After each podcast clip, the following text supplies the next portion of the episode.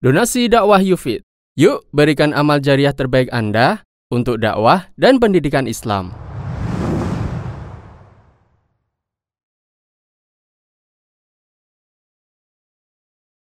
Innal hamdalillah nahmaduhu wa nasta'inuhu wa nastaghfiruhu wa natubu ilaihi wa na'udzu billahi min syururi anfusina wa min sayyiati a'malina. May yahdihillahu fala mudhillalah wa may yudlil fala hadiyalah. Wa asyhadu an la ilaha illallah wahdahu la syarikalah. وأشهد أن محمدا عبده ورسوله لا نبي بعده. يا أيها الذين آمنوا اتقوا الله حق تقاته ولا تموتن إلا وأنتم مسلمون. يا أيها الناس اتقوا ربكم الذي خلقكم من نفس واحدة وخلق منها زوجها وبث منهما رجالا كثيرا ونساء. واتقوا الله الذي تساءلون به والأرحام إن الله كان عليكم رقيبا. يا أيها الذين آمنوا اتقوا الله وقولوا قولا سديدا. يصلح لكم أعمالكم ويغفر لكم ذنوبكم. ومن يطع الله ورسوله فقد فاز فوزا عظيما. أما بعد فإن أصدق الحديث كتاب الله وخير الهدى هدى محمد صلى الله عليه وسلم. شر الأمور محدثاتها وكل محدثة بدعة وكل بدعة ضلالة وكل ضلالة في النار.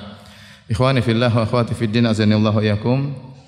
Uh, insyaallah pada kesempatan kali ini kita akan membahas salah satu peristiwa yang sangat penting dalam sejarah Nabi sallallahu alaihi wasallam yaitu peristiwa Ghazwatul Khandaq, perang Khandaq atau dikenal juga dikenal juga dengan Ghazwatul Ahzab, perang Ahzab. Dan perlu bagi kita untuk pelajari sejarah Nabi sallallahu alaihi wasallam dan terkhususkan tentang peperangan-peperangan Nabi sallallahu alaihi wasallam karena di dalam peperangan-peperangan tersebut banyak sekali faedah yang bisa kita ambil. Oleh karenanya Ali bin Al-Husain bin Ali bin Abi Talib Zainal Abidin pernah berkata, "Kunna nu'allama kunna nu'allamu maghaziyan Nabi sallallahu alaihi wasallam kama nu'allamu as-surata minal Qur'an." Kami dahulu diajari oleh orang-orang tua kami tentang sejarah-sejarah Nabi tentang peperangan-peperangan Nabi sebagaimana kami diajarkan surat dari Al-Qur'an. Artinya apa? Ali bin Husain ya, dari golongan tabi'in. Dia menyampaikan kami dahulu itu para salaf. Jadi mengajarkan kami ya para sahabat mengajarkan kami tentang peperangan-peperangan Nabi SAW sebagaimana mengajarkan surat dalam Al-Qur'an. Kita tahu kalau seorang mengajarkan surat dalam Al-Qur'an tentu diulang-ulang, diperhatikan dengan baik. Demikian juga tatkala mereka diajari tentang peperangan-peperangan Nabi wasallam. Tidaklah hal itu dilakukan kecuali karena di balik sejarah tentang peperangan-peperangan Nabi ya ada faedah-faedah yang bisa diambil. Taib. Kita berbicara tentang Ghazwatul Khandaq atau Ghazwatul Ahzab. Uh, perang Khandaq atau perang Ahzab yang rajih terjadi pada tahun 5 Hijriah. Terjadi pada tahun 5 Hijriah. Kita tahu pada tahun 2 Hijriah terjadi perang Badar. Kemudian pada tahun 3 Hijriah terjadi perang Uhud. Kemudian pada tahun 5 Hijriah terjadi Ghazwatul Khandaq atau Ghazwatul Ahzab. Adapun dinamakan dengan Ghazwatul Khandaq sebagaimana dijelaskan oleh para ulama di antaranya Ibnu Hajar dalam Fathul Bari karena dalam peperangan tersebut Nabi memerintahkan para sahabat untuk menggali parit, menggali parit agar musuh tidak bisa masuk di kota Madinah. Dan metode menggali parit dalam peperangan ini tidak dikenal oleh orang-orang Arab.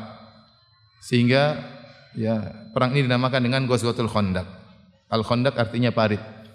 Kemudian juga dikenal dengan Ghazwatul Ahzab karena baru kali ini terjadi peperangan di mana seluruh kelompok-kelompok musyrikin bersatu padu untuk menyerang kota Madinah baik dari suku Quraisy, kemudian suku kabilah Ghatafan, kabilah Bani Salim, Asja, Fazarah, kemudian gabung lagi dengan Yahudi, Bani Quraidah, maka mereka semua bersatu padu untuk menyerang kota Madinah. Dan jumlah mereka sekitar 10 ribu untuk menyerang kota Madinah. Sementara jumlah kaum muslimin di kota Madinah paling maksimal 3000 orang, paling maksimal 3000 orang ya. Sehingga dikenal dengan Al-Ahzab. Karena Al-Ahzab jamak dari hizb. Dan hizb artinya kelompok. Dan dalam peperangan tersebut seluruh kelompok bersatu padu menyerang kota Madinah. Ini baru pertama terjadi dalam sejarah Nabi SAW. Seluruh kaum musyrikin bersatu padu menyerang kota Madinah. Adapun sebab terjadinya peperangan ini ya, adalah akibat provokasi yang dilakukan oleh Bani Nadir. Bani Nadir pimpinan mereka adalah Huyai ibnu Akhtab dan kita tahu Huyai bin Akhtab adalah ayah dari Sofiyah bintu Huyai bin Akhtab radhiyallahu taala anha ya. Tatkala terjadi pengusiran Bani Nadir sehingga turun surat Al-Hasyr dikeluarkan dari kota Madinah, maka mereka pun pergi ke Khaybar. Mengungsi di Khaybar dan mereka balas dendam kepada Nabi SAW, maka mereka pergi dari Khaybar untuk memprovokasi kabilah-kabilah musyrikin, baik suku Quraisy maupun kabilah Ghatafan, Bani Salim, Asja dan Fazarah untuk bersatu padu menyerang kota Madinah. Kita tahu bahwasanya kabilah-kabilah Yahudi yang tinggal uh, di kota Madinah ada tiga sebagaimana perkara yang ma'ruf yaitu kabilah Bani Qainuqa, kemudian Bani Nadir dan Bani Quraidah. Sebagaimana pernah saya jelaskan ya, uh, Nabi SAW waktu datang kota Madinah, Nabi membuat perjanjian yang dikenal dengan Wathiqatul Madinah, yaitu perjanjian perdamaian. Di antara isi perjanjian tersebut, bahwasanya Yahudi yang tinggal di kota Madinah bersama dengan penduduk kota Madinah dari kaum muslimin untuk bersatu padu saling bahu membantu bahu saling bantu membantu infak kalau ada penyerangan dari luar.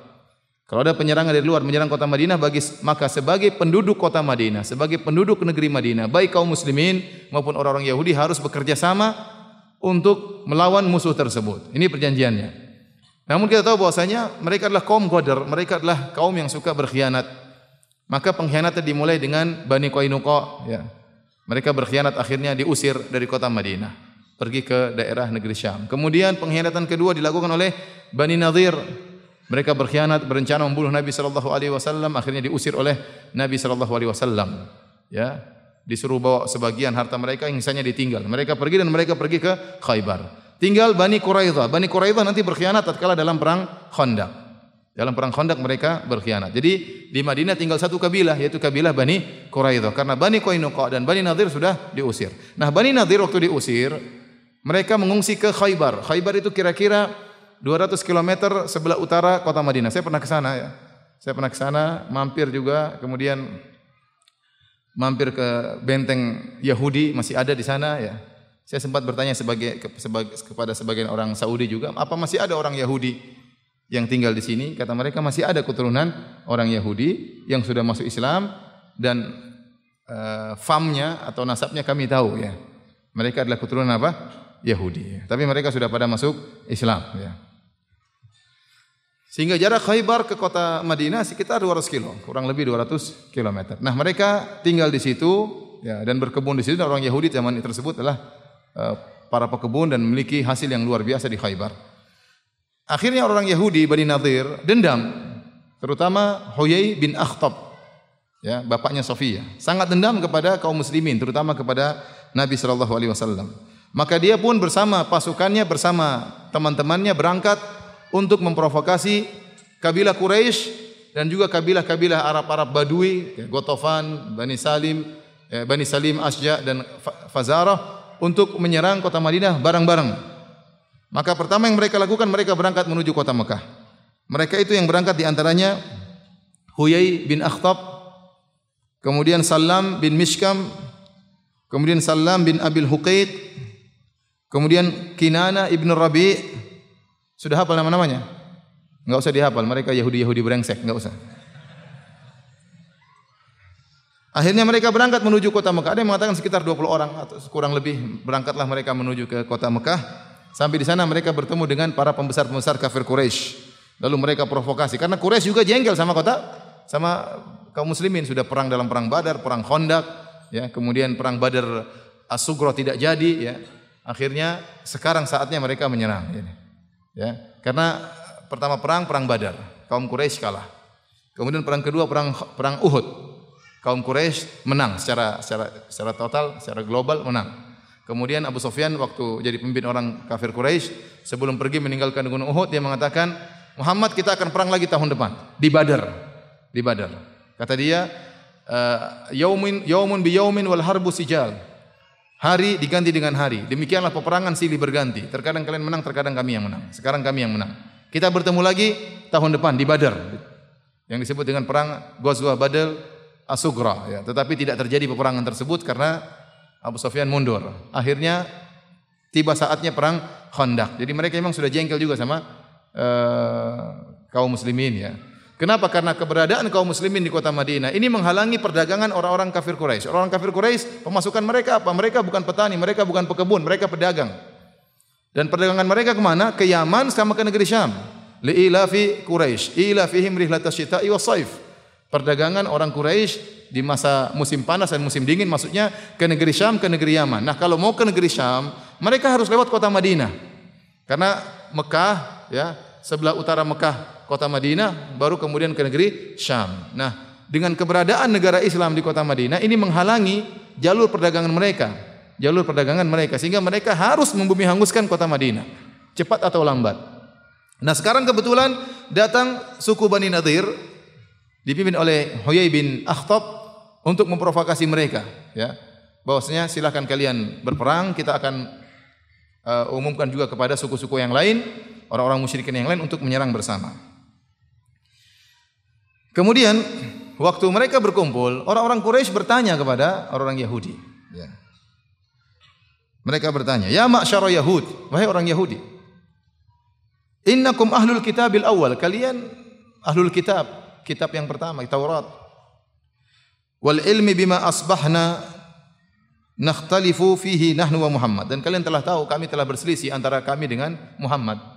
Quraisy kami telah berselisih. Ada kelompok kami, ada kelompok Muhammad.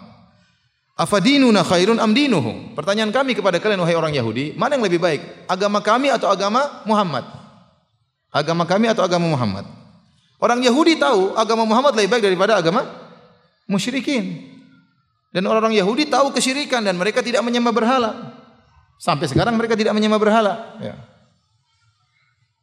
Kemudian mereka juga sering berperang bersama suku Aus dan Khosraj. Waktu suku Aus dan Khosraj masih menjadi penyembah berhala. Sebelum jadi kaum Ansor, mereka sering berperang antara eh, Yahudi dengan suku Aus dan suku Khosraj sebelum mereka masuk Islam menjadi kaum Ansar. Mereka tidak suka di agama kesyirikan, mereka tidak suka. Sekarang karena mereka ingin memprovokasi kaum musyrikin Quraisy, kaum musyrikin Quraisy seakan-akan nguji, nanya dulu. Wahai Yahudi, yang paling bagus agama kami atau agamanya Muhammad? Dan mereka tahu agama Muhammad lebih baik daripada agamanya orang-orang kafir Quraisy. Tetapi karena demi untuk menarik hati mereka, maka mereka melakukan mudahana. Itu disebut dengan mudahana, membenarkan yang batil, membenarkan yang batil. Beda dengan mudarat. Kalau mudarat tidak membenarkan yang batil, hanya beramah tamah, bermanis muka, tapi tidak ada konsekuensi membenarkan yang yang batil. Mudarat dianjurkan, adapun mudahana haram, tidak boleh. Maka mereka berkata, "Baldinukum khairun min dinihi." Agama kalian orang-orang Quraisy lebih baik daripada agamanya Muhammad.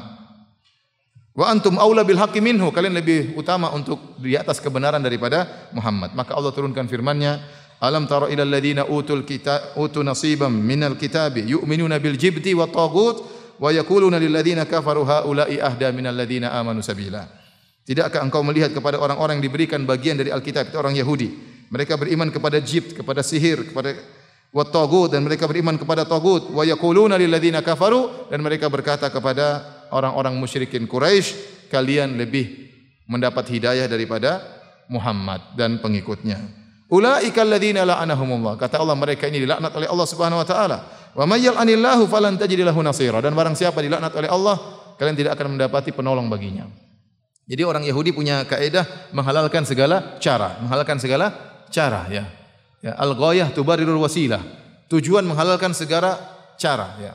Pokoknya tidak apa-apa. Kita melakukan, kita mengatakan kesyirikan lebih afdal daripada tauhid nggak jadi masalah. Yang penting orang musyrikin gabung gabung sama kita. Taib hadirin dan hadirat yang rahmati Allah Subhanahu wa taala. Setelah itu mereka berangkat lagi setelah berhasil memprovokasi kaum Quraisy di Mekah, mereka berangkat menuju ke timur kota Madinah ke arah Najd ke, ke kabilah-kabilah Quraisy sana, kabilah-kabilah Badui. Seperti kabilah Gotofan, kabilah yang paling besar, kemudian uh, Bani Salim, kemudian uh, Asja dan Fazarah, ya kemudian mereka provokasi kabilah-kabilah tersebut. Kenapa? Karena orang Yahudi memang mereka penakut ya. Kalau mau perang sendiri mereka nggak berani. Ya. Mereka melawan Muhammad dan pengikutnya mereka nggak berani. Ya. Kata Allah, yawaddu ahaduhum lau yu'ammaru alfasana. Ya mereka berangan-angan untuk bisa punya umur seribu tahun. Makanya orang yang paling penakut itu orang apa? Yahudi. Paling penakut, paling penakut, paling takut mati. Dan ini adalah kontradiktif dengan keyakinan mereka. Mereka meyakini mereka kalau mati pasti masuk surga. tetapi mereka takut mati. Ya ini aneh ya. ya. Padahal mereka meyakini surga hanya milik mereka dan kalau mereka mati mereka pasti masuk surga. Kalaupun masuk neraka hanya wa qalu lan tamassana naru ila ayaman ma'dudat. Kalaupun kami masuk neraka paling cuma beberapa hari di neraka. Setelah itu masuk surga. Seharusnya kalau kalian punya keyakinan seperti ini, pasti masuk surga. Kalaupun kurang ajar, nakal, biadab masuk neraka cuma beberapa hari, harusnya tidak usah takut mati. Tetapi ternyata orang Yahudi paling takut paling takut mati. Makanya mereka tidak berani berperang melawan kaum muslimin maka mereka memprovokasi kabilah-kabilah kafir Quraisy dan juga kabilah-kabilah yang lainnya. Mereka berangkat menuju ke kabilah yang lain, Gotofan dan yang lainnya. Setelah itu mereka memprovokasi mereka untuk berperang melawan Nabi SAW dan kaum muslimin di kota Madinah. Dan mereka janji. Kata mereka, kalau kalian ikut berperang bersama orang-orang kafir Quraisy menyerang kota Madinah, maka ada yang mengatakan dalam riwayat hasil Khaybar setahun akan kami berikan kepada kalian. Jadi Khaybar itu kota kaya waktu itu ya. Karena penghasil korma yang sangat besar. Dan dahulu kekayaan diukur dengan korma. Orang kalau udah punya kebun ini orang kaya ya. Ya. Kalau sekarang orang punya kebun mungkin masih miskin. Tapi zaman itu kalau udah punya kebun korma ini orang kaya ya. Ini orang kaya. Makanya mereka mengatakan kalau kalian berperang bersama gabung sama Quraisy kami akan berikan hasil Khaybar selama setahun. Ada yang mengatakan kami akan berikan setengah hasil Khaybar buat kalian bagi dua. Kalian tidak usah kerja, yang penting perang. Setelah pulang dari perang, setengah hasil Khaybar akan kami berikan kepada kalian. Akhirnya kabilah-kabilah Badui tersebut tertarik. Mereka pun mengumpulkan pasukan mereka. Jadilah jumlah mereka kafir Quraisy 4000, kabilah-kabilah Badui tadi 6000. Jumlahnya berapa? 10.000. 10.000. Maka mereka pun berangkat menuju ke kota Madinah. Bertemu di suatu tempat, kemudian gabung, kemudian berjalan menuju kota Madinah. Taib. Para hadirin dan hadirat yang dirahmati Allah Subhanahu wa taala, kabar tentang kedatangan mereka sampai kepada Nabi SAW. Nabi juga punya mata-mata, Nabi juga punya pengintai ya. Nabi SAW ya ada negara Islam, ada mata-matanya, ada pengintainya, ada kabar yang datang. Sampai kabar kepada Nabi bahwasanya 10 ribu pasukan telah bergerak menuju kota Madinah. Maka Nabi bermusyawarah dengan para sahabat. Ya, fasyawirhum fil amr kata Allah bermusyawarahlah dengan para sahabat dalam urusan. Wa amruhum syura bainahum. Urusan mereka adalah bermusyawarah. Musyawarah ini penting. Ya. Musyawarah itu penting ya. Nabi padahal seorang nabi, orangnya cerdas ya. Penuh perhitungan, tapi beliau tetap menghargai para sahabatnya. Bermusyawarah. Siapa tahu ada pendapat yang lebih baik, apalagi tidak ada wahyu yang diturunkan tentang masalah tersebut. Ya, mungkin ada seorang sahabat yang punya pengalaman ya, dalam masalah ini dan itu Rasulullah SAW melakukan. Dalam perang Uhud Rasulullah SAW bermusyawarah, ya, dalam perang Khandaq juga Rasulullah SAW bermusyawarah. Pentingnya musyawarah karena keputusan bersama lebih baik daripada keputusan pribadi. Ya. Saya para ulama mengatakan fatwa bersama lebih baik, lebih hati-hati daripada fatwa individu. Ya. Oleh karenanya para ulama di Saudi menggunakan membuat lajnah daimah, membuat kibar ulama ya. Karena dengan musyawarah lebih lebih hati-hati. Maka berkumpullah dengan para sahabat. Akhirnya Salman Al-Farisi radhiyallahu anhu dalam sebagian riwayat memberi ide kepada Nabi sallallahu alaihi wasallam dengan ide yang tidak pernah diketahui oleh orang Arab sebelumnya. Salman Al-Farisi sudah masuk Islam sejak lama, tetapi dia bekerja dan dia tidak bisa bebas kecuali tatkala tahun kelima Hijriah. Sehingga dia tidak ikut dalam perang Badar, dia tidak ikut dalam perang Uhud, dia baru bisa bebas dari majikannya, kemudian baru bisa bergabung dengan Nabi tatkala dalam perang Khandaq. Tatkala dalam perang Khandaq. Berarti dia orang baru, orang baru dalam pasukan kaum muslimin. Tetapi tetap Nabi mengajak dia untuk bermusyawarah sampai akhirnya dia yang kasih ide. Dia kasih ide kepada Nabi SAW, dia berkata, dia sudah bebas mereka tadinya diperbudak oleh orang Yahudi dan yang lainnya. Kata Salman, "Ya Rasulullah, inna kunna bi Faris." Kami dahulu di Persia, idza husirna khandaqna alaina. Kalau kami dikepung, kami buat khandak. Buat apa? Khandak itu parit. Agar tidak bisa dimasuki oleh musuh. Ini cara metode kami tatkala diserang, dikepung. Maka hal ini ide ini menjadikan Nabi tertarik dengan dengan ide ini. Maka kemudian Rasulullah SAW menyuruh para sahabat untuk kembali khandak. Perhatikan di sini, Nabi SAW kita tidak tidak ragukan dengan keberanian para sahabat, dengan nekatnya para sahabat untuk mati syahid. Tetapi Nabi adalah orang yang berfikir yang realistis. Kita berpasukan 3000, musuh 10.000. Kalau perang ya kemungkinan besar kalah. Kalau perang kemungkinan besar apa? Kalah. Apalagi sempat kalah dalam perang Uhud sebelumnya. Ya. Maka Nabi tidak berpikir strategi untuk menyerang, tidak sama sekali. Maka strategi yang diambil oleh Nabi SAW adalah bertahan. Bagaimana mereka tidak bisa masuk? Kalau strategi menyerang, kemungkinan besar bisa bisa kalah ya. Kemungkinan besar bisa bisa kalah. Tanpa kita meragukan keberanian para sahabat. Tanpa kita ragukan kerinduan mereka untuk mati syahid. Tetapi Nabi berpikir realistis ya. Maka Nabi tidak berpikir, tidak berbicara tentang para sahabat untuk metode menyerang, tidak. Tapi bagaimana bisa ber, bertahan? Cara bertahan ya bikin khondak. Bikin khondak supaya mereka tidak bisa tidak bisa masuk. Taib. E, kenapa harus bikin khondak? Kenapa harus bikin khondak? Karena kota Madinah ya, adalah ibarat dari harratain, al-harrah syarqiyah wal harrah al-gharbiyah. Harrah adalah kumpulan besi-besi apa batu-batu cadas yang hitam yang konon dahulu bekas larva yang kemudian berkumpul dan tidak bisa mengelompok dua dua kelompok di tengah-tengahnya kota Madinah. Dan batu-batu cadas ini tidak bisa dilewati oleh onta, bahkan tidak bisa dilewati oleh kuda. Sehingga secara umum kota Madinah dibentengi oleh Harra Syarqiyah, Harra Gharbiyah, yaitu kumpulan batu cadas di sebelah timur dan kumpulan batu cadas sebelah utara. Nah, sebelah selatan kota Madinah, sebelah selatan kota Madinah adalah apa namanya? kebun-kebun korma yang sangat padat sertai dengan eh, perumahan-perumahan sehingga orang-orang kafir juga suka sulit untuk masuk dari selatan. Dari sini kita tahu kota Madinah sebelah timur dan sebelah selatan tidak bisa ditempuh dan sebelah selatan juga tidak bisa ditempuh. Di sebelah selatan tempat tinggal orang Yahudi. Hanya bisa masuk lewat sebelah apa? Utara.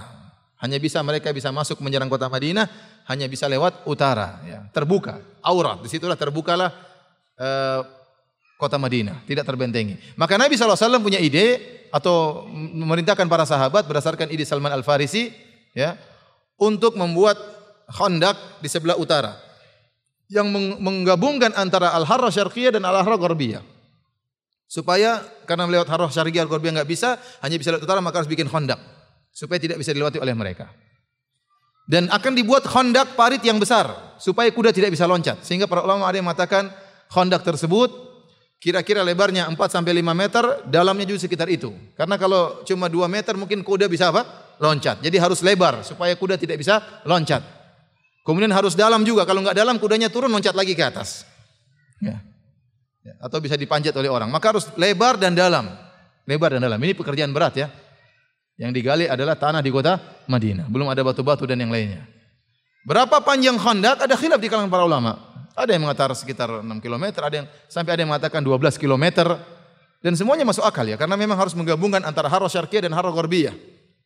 Ya. Dan itu jaraknya berkilo-kilo. Jaraknya berkilo-kilo.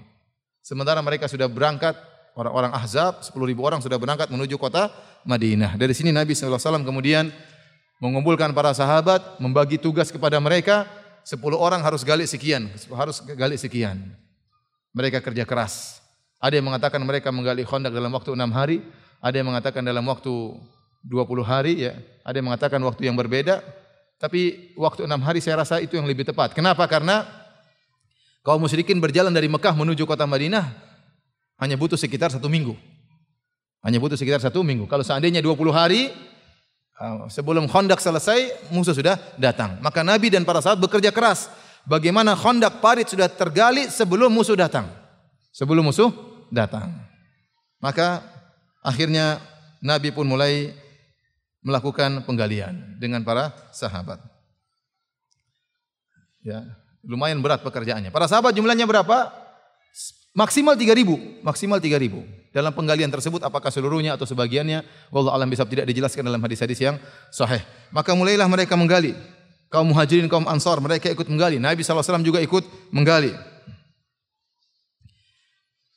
Al-Imam Al-Bukhari Imam Muslim meriwayatkan dalam sahih mereka berdua dari Anas radhiyallahu anhu, annahu qala, beliau berkata, kharaja Rasulullah sallallahu alaihi wasallam ila al-Khandaq. Rasulullah SAW keluar menuju Khandaq mengawasi para sahabat yang sedang menggali khandak. Fa idzal muhajiruna wal ansar yahfiruna fi ghadatin baridah. Ternyata Nabi melihat para sahabat kaum muhajirin kaum ansar sedang menggali parit di pagi hari yang dingin. Jadi qadarullah di masa tersebut lagi musim dingin, lagi musim paceklik, makanan tidak ada. Sementara mereka harus menggali parit yang luar biasa, lebar dan dalam dan sangat panjang dalam waktu yang singkat. Falam yakun lahum abidun ya'maluna dzalika lahum. Mereka para sahabat tidak punya budak-budak untuk disuruh membantu. Mereka kerja langsung sendiri. Falam ra'a ma bihi minan nasab wal ju'i tatkala Nabi melihat para sahabat yang keletihan dan kelaparan, maka Nabi berkata, "Allahumma innal aisha aishul akhirah faghfir lil ansari wal muhajirah." Ya Allah, sungguhnya kehidupan yang sejati, yang sungguhnya adalah kehidupan di akhirat. Rahmatilah, ampunilah kaum ansar dan kaum muhajirin. Sebagian ulama berpendapat seperti Syekh Muhammad bin Shalih Utsaimin dan juga sebagian ulama yang lain, kita ucapkan perkataan ini tatkala kita terpedaya dengan dunia atau kita merasa hidup sulit di dunia. Hmm. Kalau antum lihat ada orang mobilnya mewah, antum terpesona, antum bilang innal aisha aishul akhirah. Kehidupan yang sungguhnya kehidupan apa? Akhirat. Untuk menghilangkan apa? Hasad ya. Kalau antum kelaparan gak ada makanan, utang gak lunas-lunas, antum bilang innal aisha aishul akhirah. Sabar ya. Sabar. Kehidupan yang sungguhnya kehidupan apa? Di akhirat. Dunia cuma sementara. Mobil cuma sementara, rumah cuma sementara, kita pun cuma sementara. Ya. Innal aisha aishul akhirah. Sungguhnya kehidupan sungguhnya adalah kehidupan apa? Akhirat. Kemudian tatkala mereka mendengar Nabi mengucapkan syair tersebut, senandung syair tersebut, para sahabat kaum muhajirin, kaum ansar membalas senandung Nabi wasallam. Mereka berkata, "Nahnu alladziina bay'u Muhammadan 'alal jihadi ma baqina abada." Kami adalah para sahabat yang telah membaiat Nabi sallallahu alaihi wasallam untuk kuat berjihad selama kami masih hidup, terus berjihad bersama Nabi sallallahu alaihi wasallam.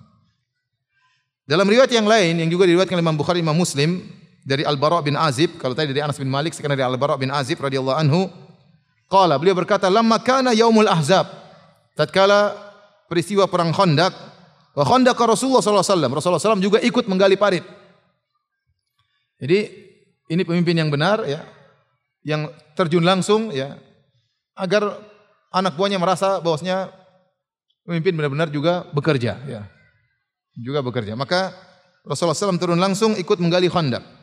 Kata Al-Bara bin Azib, "Ra'aituhu yanqulu min turabil khandaq hatta wara anni turabu jildata batnihi wa kana kathira sya'ar." Aku melihat Nabi ikut menggali khandak, menggali parit sampai-sampai tanah menutupi seluruh tubuhnya di bagian perutnya. Ya, padahal Nabi SAW adalah orang yang banyak rambutnya. Di bagian perut Nabi juga ada rambutnya tetapi tertutup dengan pasir bekas galian khandak. Fasami'tuhu yartajizu bi kalimati Abdullah bin Rawaha. Maka aku mendengar Nabi bersenandung dengan syair yang syair itu adalah syair milik Abdullah bin Rawaha. Nabi mengulangi perkataan Abdullah bin Rawaha Wa huwa yanqulu minat turab sambil mengangkat pasir, sambil menggali khandak. Nabi berkata, "Allahumma laula anta mahtadaina wala tasaddaqna wala sallaina." Ya Allah, kalau bukan karena Engkau ya Allah, kami tidak akan mendapat hidayah, kami tidak akan bersedekah, kami tidak akan salat.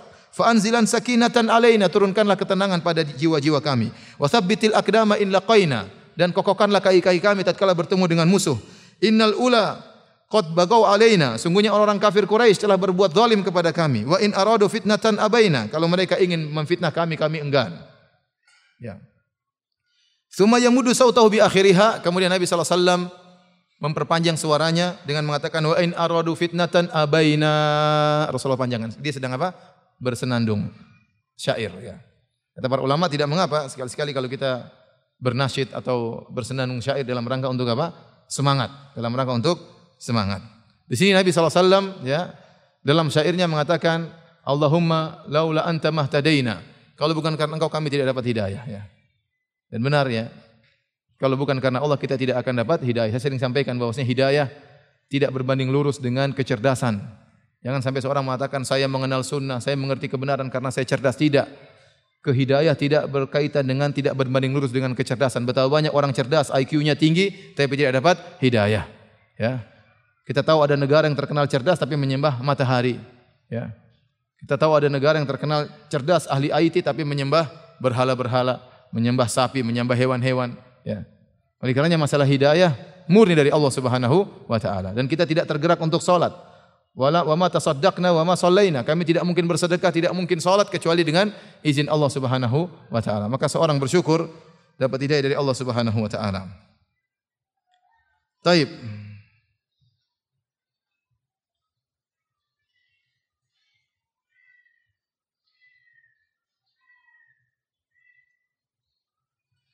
Para sahabat tatkala menggali Khandaq, sebagaimana tadi telah kita isyaratkan, mereka benar-benar mengalami kesulitan. Kenapa musim dingin? Ya. Kemudian musim kelaparan, tidak ada makanan. Dan kita tahu kalau dingin semakin cepat lapar. dingin semakin lama cepat lapar. Ini sudah musim dingin, makanan enggak ada. Namun mereka terus bekerja. Karena harus berburu. Kalau terlambat musuh datang percuma. Sudah kerja setengah. Kalau kerjaan baru setengah percuma rugi. Kalau sampai sudah menggali kondak misalnya jarak 10 kilo misalnya. Sudah gali sudah gali 9 kilo masih kurang sekilo rugi percuma. Mereka bisa masuk musuh. Jadi harus selesai. Harus selesai sebelum musuh datang. Perkiraan musuh datang seminggu lagi baru datang. Maka sebelum seminggu harus selesai proyek penggalian kondak tersebut. Maka kita tahu bagaimana susahnya mereka. Siang malam mungkin terus menggali. Dengan kondisi yang sangat terbatas. Makanan tidak ada. Kemudian uh, musim dalam kondisi dingin. Al-Imam Al-Bukhari meriwayatkan dalam sahihnya dari Jabir bin Abdullah radhiyallahu taala anhu. Qal inna yaumal khandaq nahfiru fa aradat kudyatun. Kami pada waktu perang Khandaq kami sedang menggali Khandaq. Tiba-tiba ada batu kudyatun syadidatun, ada batu yang sangat keras, mau digali-gali dipecahin enggak bisa. Menghalangi proyek penggalian Khandaq. digali-gali enggak bisa-bisa pecah. Faja'u an-nabiy sallallahu alaihi wasallam maka mereka pun datang kepada Nabi laporan. Faqalu kata mereka hadhihi kudyatun aradat fil khandaq. Ya Rasulullah ini ada batu besar menghalangi kami dalam penggalian khandaq. Parit. Faqala ana nazil kata Nabi saya turun. Saya ke situ. Tsumma qama kun Rasulullah SAW berdiri dari tempatnya wa batnuhu ma'subun bihajarin. Rasulullah SAW ternyata terlihat di perutnya terikat batu karena menahan apa? Lapar. Walabithna thalathata ayyamin la nadhuqu dhawaqan. Kata Jabir, kami tiga hari tidak ada yang kami makan. Kami tidak pernah mencicipi sesuatu pun selama tiga hari. Fa akhadha Nabi sallallahu alaihi wasallam al-mi'wala fa daraba bihi fil qudyah fa ada kathiban ahyala au ahyam. Maka Nabi pun mengambil kapaknya atau cangkulnya kemudian dia pun pukul batu tersebut maka hancurlah batu tersebut. Jadi perhatian kita Nabi ternyata kelaparan dan dia mengikat apa? perutnya dengan batu. Dalam sebagian riwayat kalau tidak salah dihasankan oleh Syekh Albani rahimahullah, Nabi juga pernah para sahabat mengikat perut mereka dengan satu batu, ternyata mereka lihat Nabi dengan dua dua batu. Oleh para hadirin telah subhanahu wa taala, inilah Nabi SAW dan para sahabat yang mereka adalah orang-orang terkemuka untuk masuk surga, tapi demikian ujian yang Allah berikan kepada kepada mereka. Al-Imam Al-Bukhari juga meriwayatkan dari Anas bin Malik. Beliau berkata, "Ja'alal muhajirun wal ansar yahfirun al-khandaq haulal Madinah." Kaum Muhajirin, kaum Ansar menggali khandak di sekeliling kota Madinah. Kemudian mereka makan. Apa makanan mereka? Yu'tauna bi mil'i kaffai minas syair fayusna'u lahum bi ihalatin sanikhatin tudau baina yadil qaum. Maka didatangkan uh, dua genggam gandum ya. Kemudian dicampur dengan uh, minyak untuk melembutkan gandum tersebut, minyak yang sudah tengik, yang sudah bau. Kemudian setelah dibuat makanan tersebut diletakkan di hadapan para sahabat untuk dimakan. Wal qaumu jia sementara para sahabat dalam kondisi sangat lapar. Wa hiya basyi'atun fil khalqi wala harihun muntinu muntinun. Sementara bentuknya sudah enggak baik, kemudian baunya tengik, tapi para sahabat tetap makan karena enggak ada makanan yang yang lain.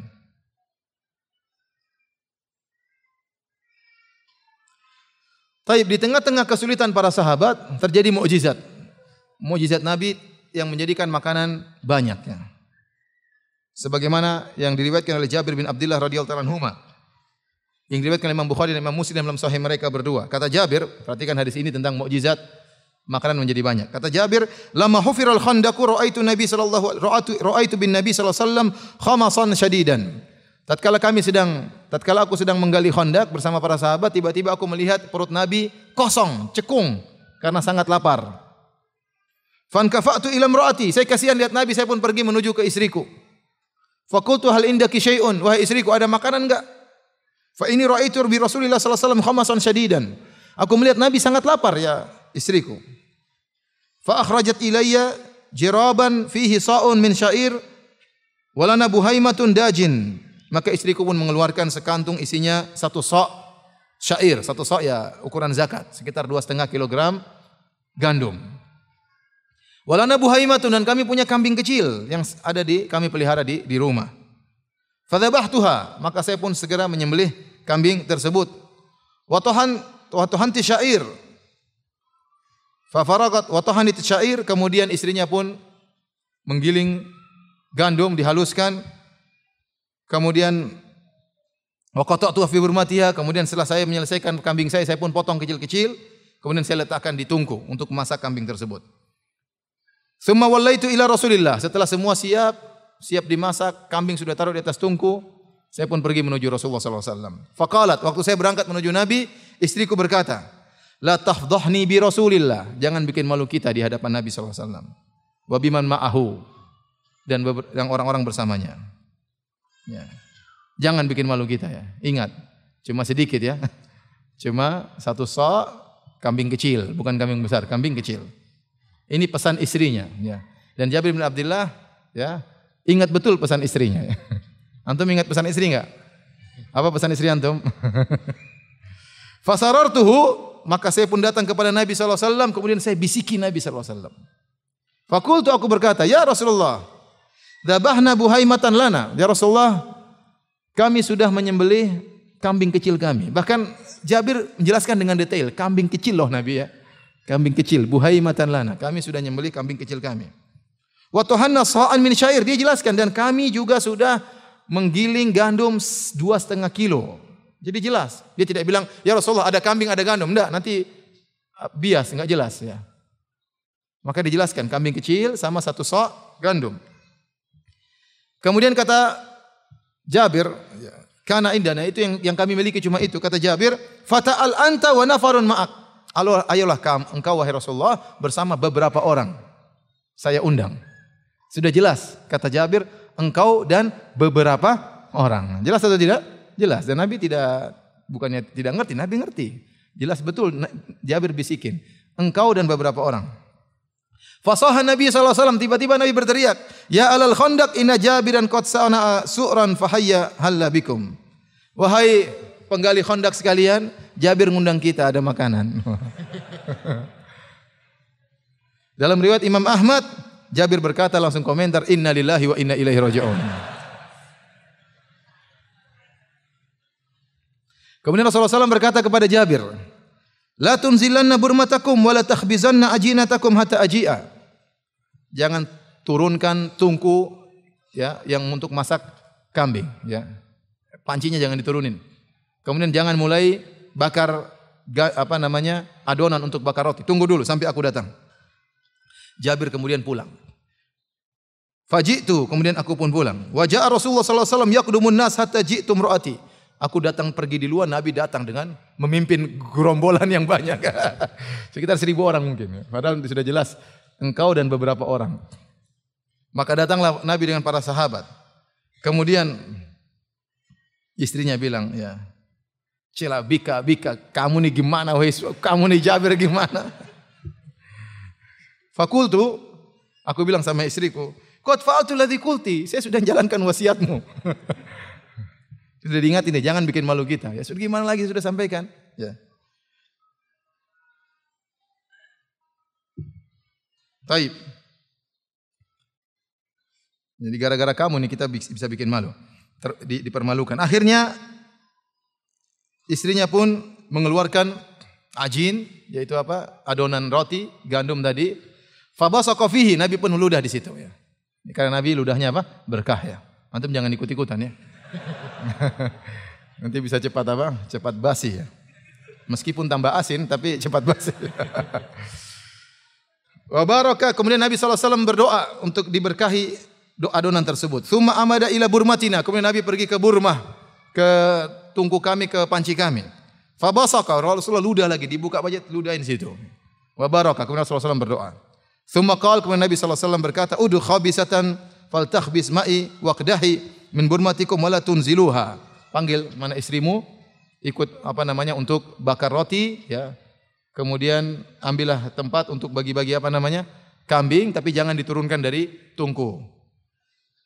Akhirnya mereka pun ambil roti dimasak, dibagi, kasih apa adon roti kemudian sama kuah kambing dibagi-bagi seluruhnya. Kata Jabir, fa uqsimu billah, aku bersumpah dengan nama Allah, laqad akalu hatta taraku. Mereka makan, makan, makan sampai meninggalkan makanan tersebut. Artinya sampai kenyang. Udah kenyang, ya, sudah berhari-hari nggak makan ya. Itu bayangkan. Ya. Mereka makan makan sampai mereka berhenti kekenyangan. Wan harafu wa inna burmatana la taghitu kama hiya wa inna ajinana la yukhbazu kama huwa. Setelah mereka pergi, ternyata kambingnya masih seperti sedia kala dan apa namanya? adonan roti juga masih sedia kala. Dan ini adalah mukjizat dari Nabi sallallahu alaihi wasallam. Ini mukjizat yang terjadi tatkala itu. Di antara mukjizat yang lain, Al-Imam Ahmad rahimahullah dalam musnadnya meriwayatkan hadis dari Al-Bara bin Azib radhiyallahu anhu. Beliau berkata, "Lamma amarna Rasulullah sallallahu an nahfir al-khandaq." Tatkala Rasulullah sallallahu merintahkan kami untuk menggali khandaq, arad lana fihi hajarun la yu'khadhu fihi al-mi'walu. Fashtakaina dzalika ila Rasulillah sallallahu Di hadapan kami ada batu besar tidak bisa dihancurkan. Maka kami pun mengeluh kepada Nabi sallallahu alaihi wasallam. Fajar Rasulullah sallam, maka Rasulullah SAW datang. Kemudian dia melepaskan bajunya. Fa'alqa thawbahu wa akhadha al-mi'wal. Kemudian dia mengambil uh, cangkul atau kapak. Wa qala bismillah. Kemudian Nabi bilang bismillah. Fadaraba darbatan fakasara thulutha sakhrah. Nabi pukul bismillah, dia pukulkan kapaknya, maka batu tadi pecah sepertiga. Pecah sepertiga.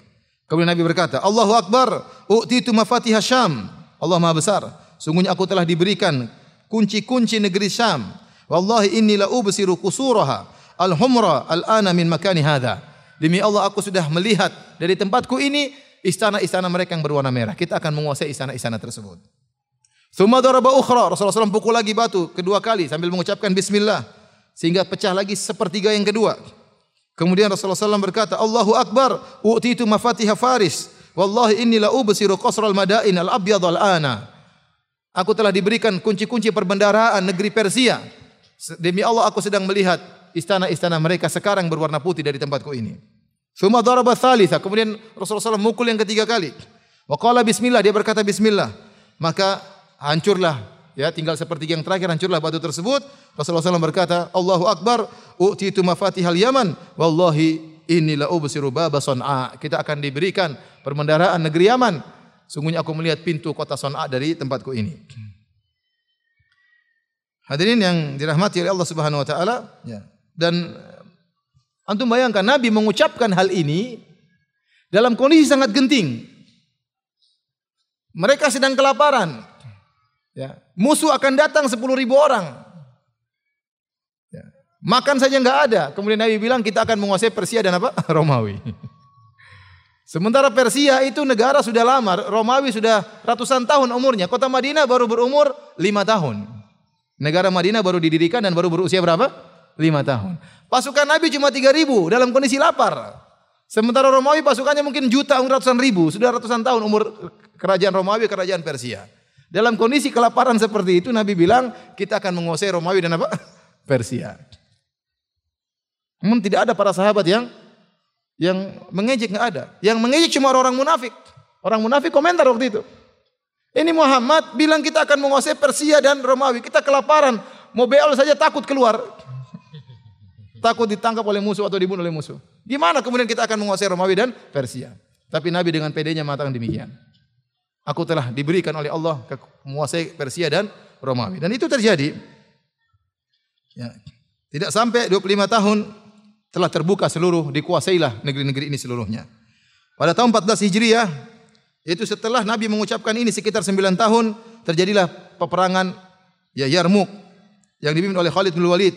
Akhirnya Romawi dikalahkan tatkala itu. Dan kemudian pada tahun 15 Hijriah yaitu 10 tahun setelah Nabi mengucapkan kalimat ini terjadi perang Al-Ma'raka Ma'raka Al-Qadisiyah yang dipimpin oleh dipimpin oleh Sa'ad bin Abi Waqqas dan di situ Persia dikalahkan oleh kaum kaum muslimin. Tapi akhirnya setelah para sahabat bekerja, bekerja, bekerja, selesailah mereka dari penggalian Khandaq. Saya katakan tadi ada khilaf di kalangan para ulama, ada yang mengatakan enam hari. Ya, ini, pendapat Ibnu Sa'ad dalam tabaqatnya. Ada yang mengatakan ya 20 hari, ada yang mengatakan 24 hari, ada yang mengatakan 15 hari. Bagaimana pendapat An-Nawawi rahimahullah taala? Ada yang mengatakan satu bulan, pendapat Ibnu Qayyim. Tapi wallahu alam bisawab, perkiraan saya semingguan lah. Karena perjalanan dari Mekah menuju Madinah kira-kira apa? seminggu. Kira-kira seminggu. Jadi pendapat tentang enam hari kuat dari sisi logika ya. Akhirnya kaum musyrikin datang.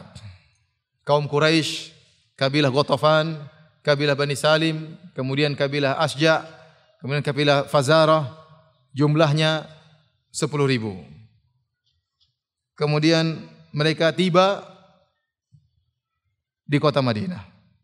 Nabi Shallallahu Alaihi Wasallam keluar ke Jabal Sila ya karena Khandaq itu di depan Jabal Sila. Kalau antum ke Madinah, antum pergi ke sana ada namanya Masjid Khandaq. Baru dibangun masjid tersebut. Masjidnya besar. Namanya Masjid Khandaq. Nah, Khandaq itu digali di depan areal masjid tersebut dengan sangat panjang ya. Ada yang bertanya, Ustadz, mana paritnya sudah enggak ada? Ya ngapain ada yang terus ya? Orang nanti mobil mau lewat gimana kalau ada paritnya? Ya udah ditutup dari dulu sudah ditutup. Ya, tetapi lokasinya sekitar situ ya. Sekitar sekitar situ. Maka Nabi SAW keluar dari Masjid Nabawi menuju ke tempat situ mungkin kira-kira berapa kilo ya? Kira-kira 3 4 kilo ya, kira-kira. Dari Masjid Nabawi ke Jabal Sila kira-kira 3 atau 4 kilo. Wallah alam, saya ini perkiraan saja ya. Tatkala Nabi membawa pasukan menuju ke Jabal Sila, untuk bermarkas di sana, berkem di sana, maka Nabi SAW menugaskan Ibnu Umi Maktum untuk menggantikan posisi Nabi di kota Madinah.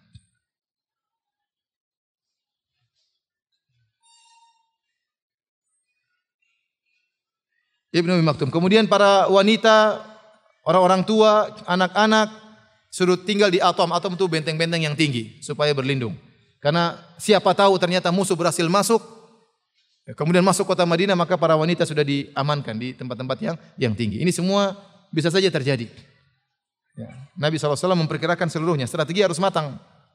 Harus matang. Kemudian Nabi SAW menyuruh Ibnu Umi Maktum untuk menjadi imam di Masjid Nabawi.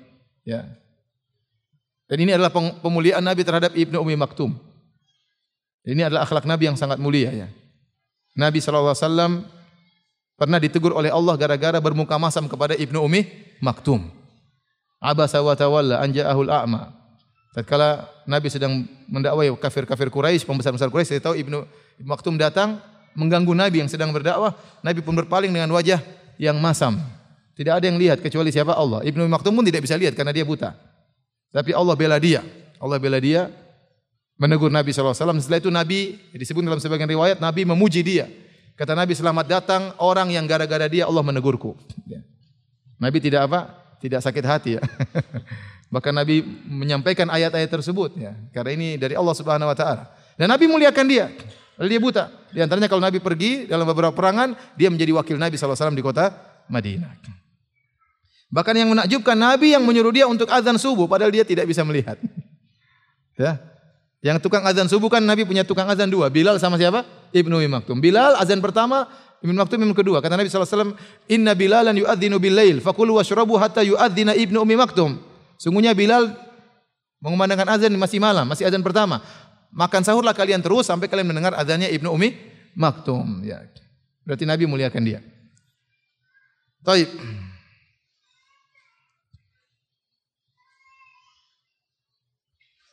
Kaum musyrikin tatkala sampai di Madinah, mereka kaget.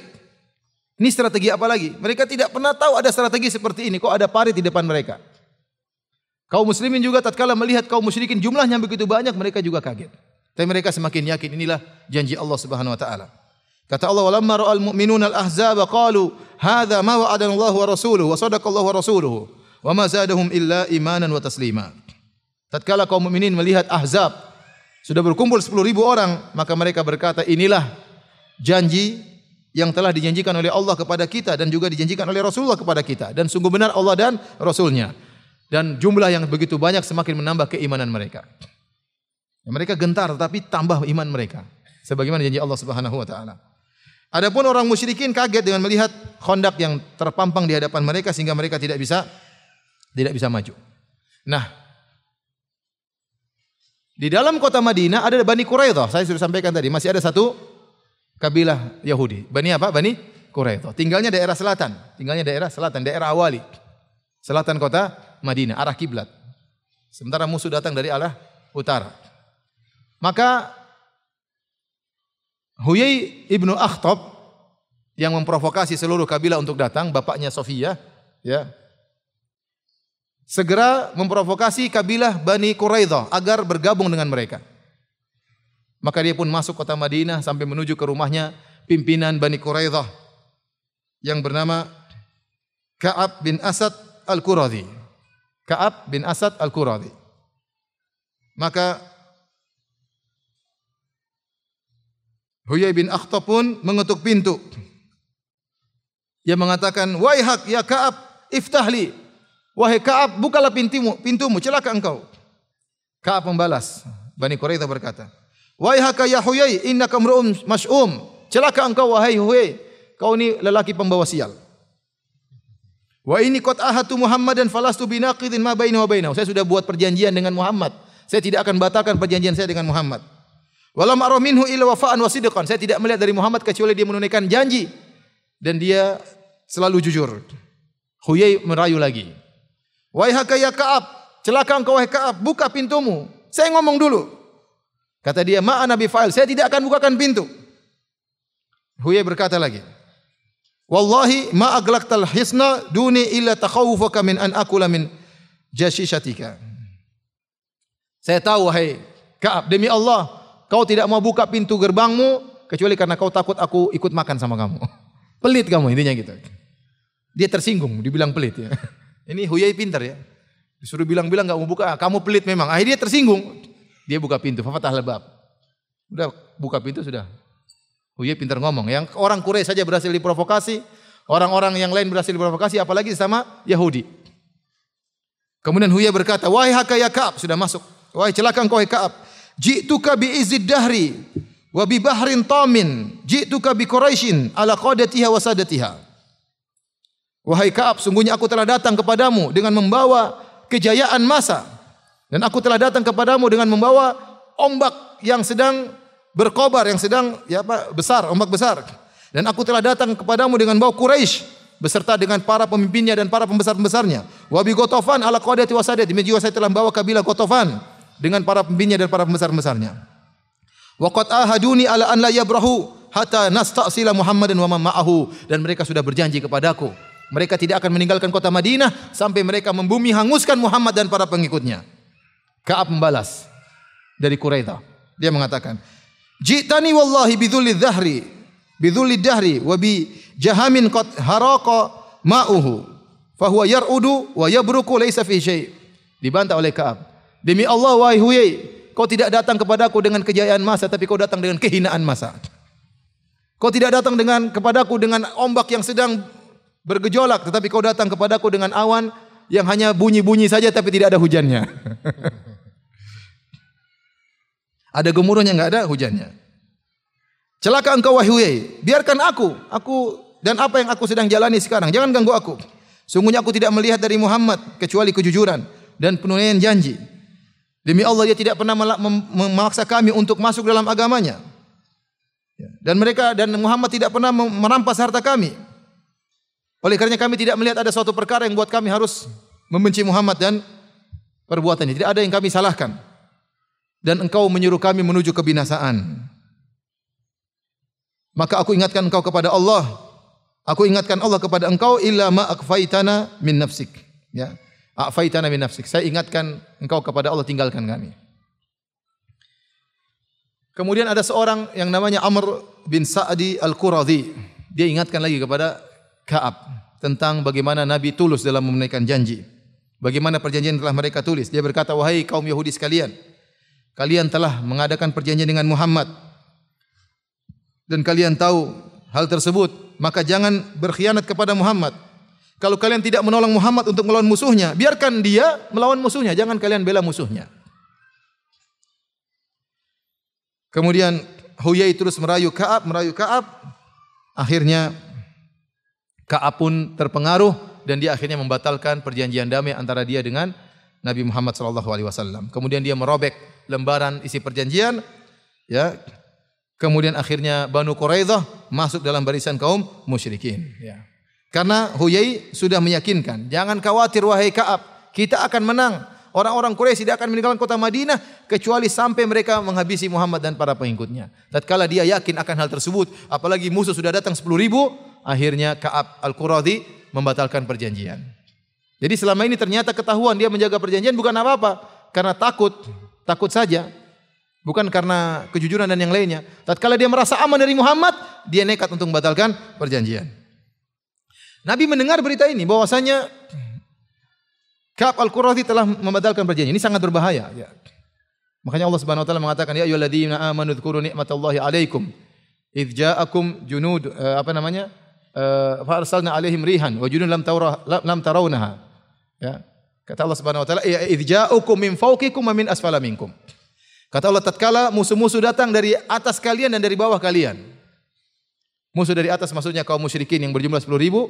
Musuh dari dalam artinya kaum Yahudi. Jadi kondisi perang Khandaq ini sangat berbahaya. Karena musuh dari luar sangat besar dan ternyata ada gejolak pengkhianatan di dalam kota Madinah. Nanti akan kita jelaskan di akhir perang ini orang Yahudi semuanya dibunuh. Karena sebagian orang-orang kafir mengatakan lihat Muhammad SAW kejam. Kenapa mereka membunuh Bani Quraidah? Jawaban kita sebelumnya Nabi tidak pernah bunuh. Bani Qainuqa yang berkhianat Nabi suruh pergi. Bani Nadir yang berkhianat Nabi suruh pergi. Tapi pengkhianatan Bani Quraidah di saat-saat yang sangat genting dan berbahaya. Kenapa seandainya kaum musyrikin berhasil masuk habislah Nabi Muhammad dan seluruh 3000 pasukannya. Ya. Makanya Nabi tidak maafkan mereka dan Nabi membunuh mereka sekitar 400 atau 700 orang dibunuh semuanya oleh Rasulullah SAW karena pengkhianatan mereka pada posisi yang sangat genting. Allah mengatakan idja'ukum min fawqikum wa min asfala minkum wa idzagatil absar wa balagatil qulubul hanajira wa dhununa. Tatkala musuh datang dari atas, dari bawah, tatkala ketakutan, jantung kalian sudah sampai ke kerongkongan, ketakutan yang sangat amat. Pandangan sudah tidak stabil, Wa tadhunnuna billahi dzununa sampai kalian berprasangka kepada Allah dengan prasangkaan-prasangkaan yang tidak benar. Jadi kuri sangat genting. Tatkala Nabi mendengar bahwasanya Bani Quraidah telah berkhianat, maka Nabi ingin mengecek. Nabi tidak tahu ilmu gaib. Ya. Tidak ada wahyu yang menyatakan bahwasanya Bani Quraidah membatalkan janji. Maka Nabi suruh sahabat untuk mengecek. Kata Nabi, siapa yang bisa mengecek? Kata Zubair bin Awam, saya ya Rasulullah. Rasulullah SAW ulangi lagi. Siapa yang bisa mengecek? Kata Zubair bin Awam, saya akan mengecek wahai Rasulullah. Sambil ulang-ulang Zubair mengatakan, saya akan mengecek ya Rasulullah. Man ya'tini bi khabaril qaum? Siapa yang bisa mendatangkan kabar yang pasti dari Bani Quraidah? Akhirnya kata Zubair, saya Rasulullah. Kemudian Nabi memuji Zubair, kata Nabi, inna likulli nabiin hawari wa inna hawariya Zubair. Sungguhnya setiap nabi punya penolong yang spesial dan sungguhnya penolong spesialku adalah Zubair bin Awam radhiyallahu taala anhuma. Kemudian juga Rasulullah SAW mengutus supaya semakin mengecek dengan kepastian. Rasulullah SAW mengutus lagi Sa'dain. Sa'ad bin Ubadah, pemimpin kabilah Khazraj. Dan Sa'ad bin Mu'az, pemimpin kabilah Al-Aus. Kaum Ansar terdiri atas dua kabilah. Kabilah Al-Aus dan kabilah Al-Khazraj. Dan kedua pemimpinnya anak-anak muda. Umurnya 38 sampai 40. 38, 36 sampai 40. Pemimpin suku Aus namanya Sa'ad bin Mu'az. Pemimpin suku Khazraj namanya Sa'ad bin Ubadah. Nabi, dua ini dua orang sahabat. Nabi menyuruh mereka untuk mengecek. Kata Nabi SAW kepada mereka berdua. Intoliku hatta tanzuru ahakun ma balagana an haula'il qaum amla. Kalian pergilah ke orang-orang Yahudi. Cek. Apakah benar berita yang sampai kepada kita bahwasanya mereka telah membatalkan perjanjian? Fa in kana haqqan fa alhinu falhinu li lahnan arifu. Kalau mereka benar-benar membatalkan perjanjian, beri isyarat saja, jangan ngomong. Jangan jangan buka jangan bongkar-bongkaran. Kenapa? Wala tafutu fi adha'in nasi. Jangan kalian melemahkan pasukan. Seandainya saat bin Ubadah sama saat bin Muaz datang, "Ya Rasulullah, orang Yahudi sudah membatalkan perjanjian." Maka para sahabat akan semakin gemetar. Semakin apa takut. Maka Nabi bilang kalau mereka benar-benar membatalkan perjanjian, kasih isyarat saja yang saya ngerti.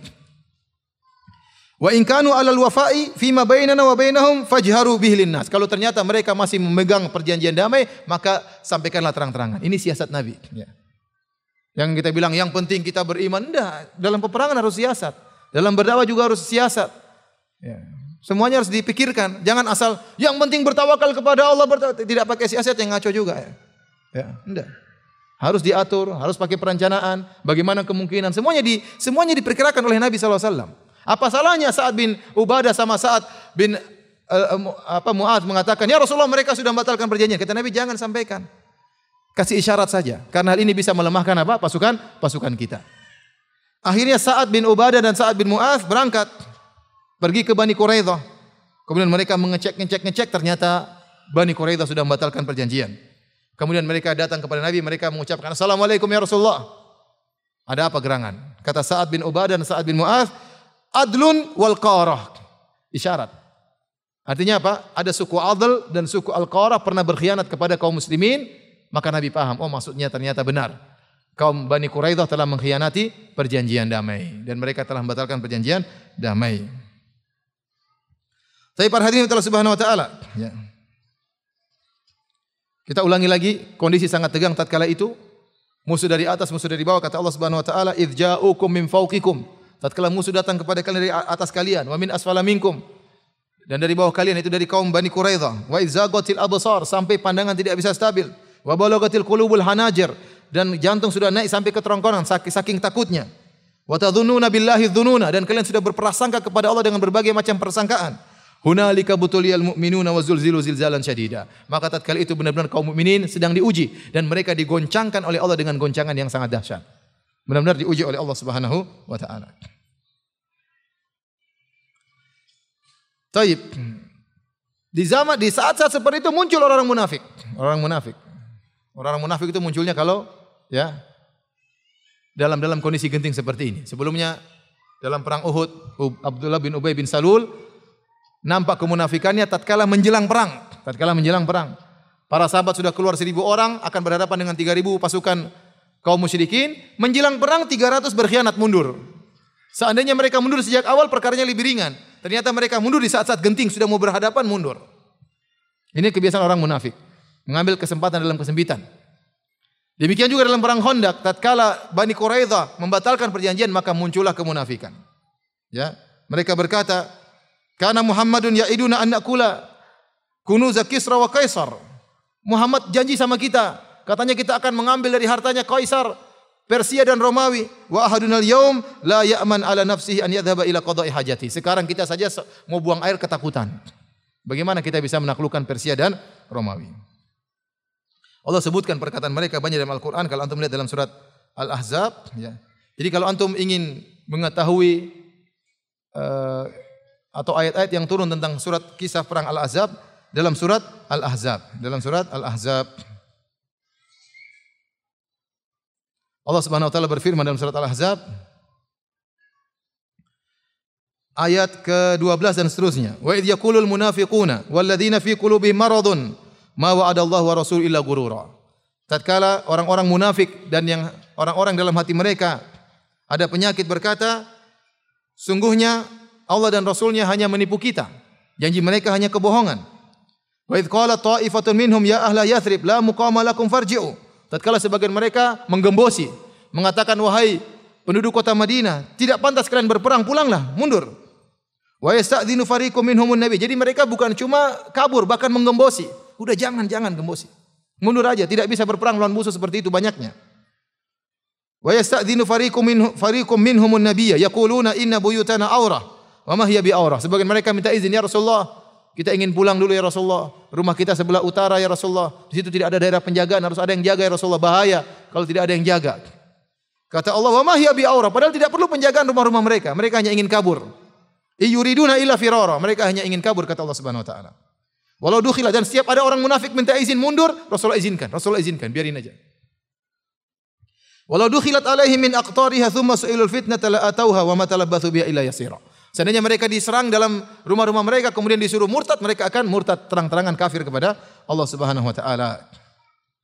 Walau qad kanu ahadullah min qablu la yuwalluna adbar. Sebelumnya mereka telah bersumpah untuk tidak kabur, tapi mereka ternyata kabur. Allah sebutkan ya tentang ayat-ayat antum bisa baca tentang orang-orang munafik. Ya, orang-orang munafik itu sangat berbahaya dan kita ingat, saya ingatkan kepada antum kalau di zaman Nabi saja ada orang-orang munafik Bahkan tatkala Islam dalam kondisi jaya ada orang munafik apalagi zaman sekarang pasti orang munafiknya lebih banyak. Ya, pasti orang munafiknya lebih banyak. Dan sampai hari kiamat kala akan ada orang munafik. Dajjal nanti waktu keluar banyak orang munafik keluar dari kota Madinah gabung dengan apa? Dajjal. Orang munafik itu orang-orang yang KTP-nya Islam tapi benci terhadap Islam, benci terhadap Muhammad SAW, benci terhadap syariat Nabi Muhammad SAW, mengejek-ngejek syariat Nabi Muhammad SAW. Ketahuilah mereka adalah orang-orang munafik dan mereka banyak.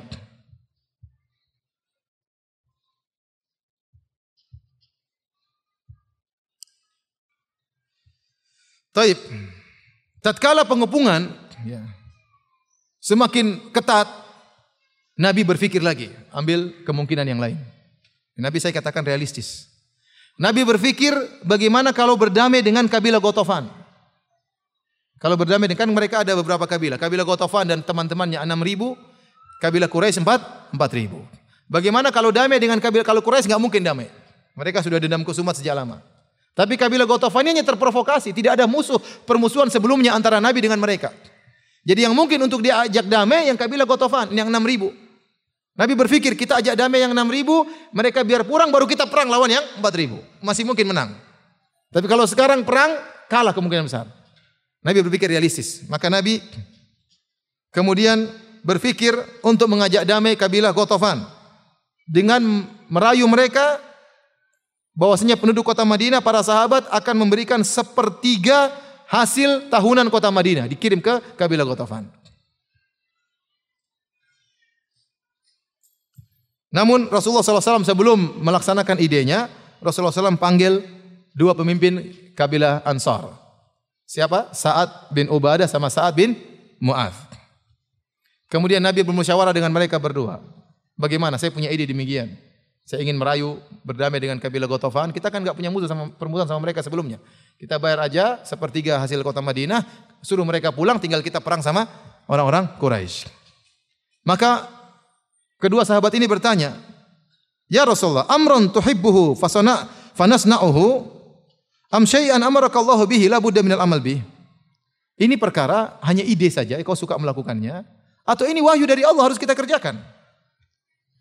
Apakah am syai'an tasna'uhu lana? Apakah kau punya ide untuk kita? Karena kau membela kita, kau pikirkan kami sehingga kau punya ide seperti ini. Ini wahyu atau bukan intinya? Ya. Apakah idemu sendiri atau ide yang kau suka lakukan ataukah wahyu atau memang kau mikirkan kami untuk melakukan ini? Maka Nabi SAW berkata, Bal syai'un asna'uh lakum. Ini ide saya karena saya mikir kalian. Wallahi, karena Nabi Nabi kan sebelum datang kota Madinah, penduduk kota Madinah nyaman-nyaman saja. Nabi ada perasaan bersalah setelah mereka pindah kota Madinah, kaum muhajirin bikin masalah di kota Madinah. Diserang terus, paham? Jadi Nabi ya dia punya perasaan. Ini bagaimana harus menghargai pemimpin-pemimpin kota kaum Ansor ini. Karena sejak Nabi pindah dengan kaum muhajirin, masalah terus di kota Madinah. Maka Nabi berkata, kalau Nabi dan kaum muhajirin sudah siap mati, tapi Nabi pikirkan mereka kaum Ansar. Bal syai'un asna'uhu lakum. Ini ide saya untuk mikirkan kalian.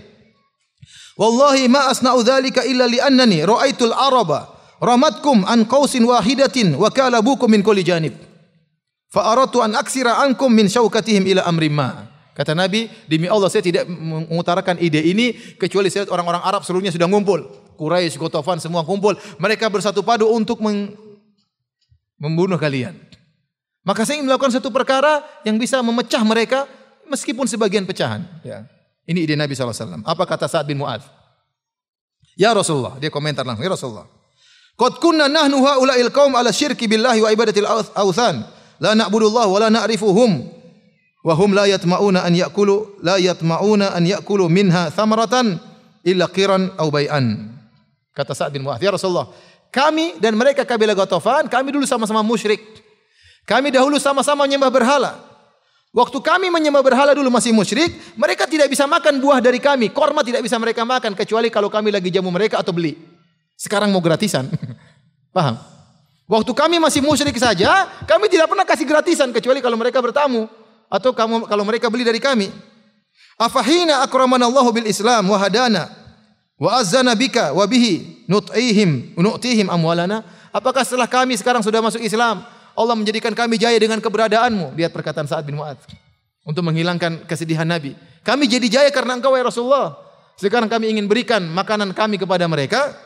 Wallahi mala nabi hadza min haja. Kami tidak butuh damai dengan mereka kata Sa'ad bin Mu'adz. Wallahi la nu'tihim ila saif. Kami tidak kasih makan mereka kecuali pedang. Korma enggak, pedang iya.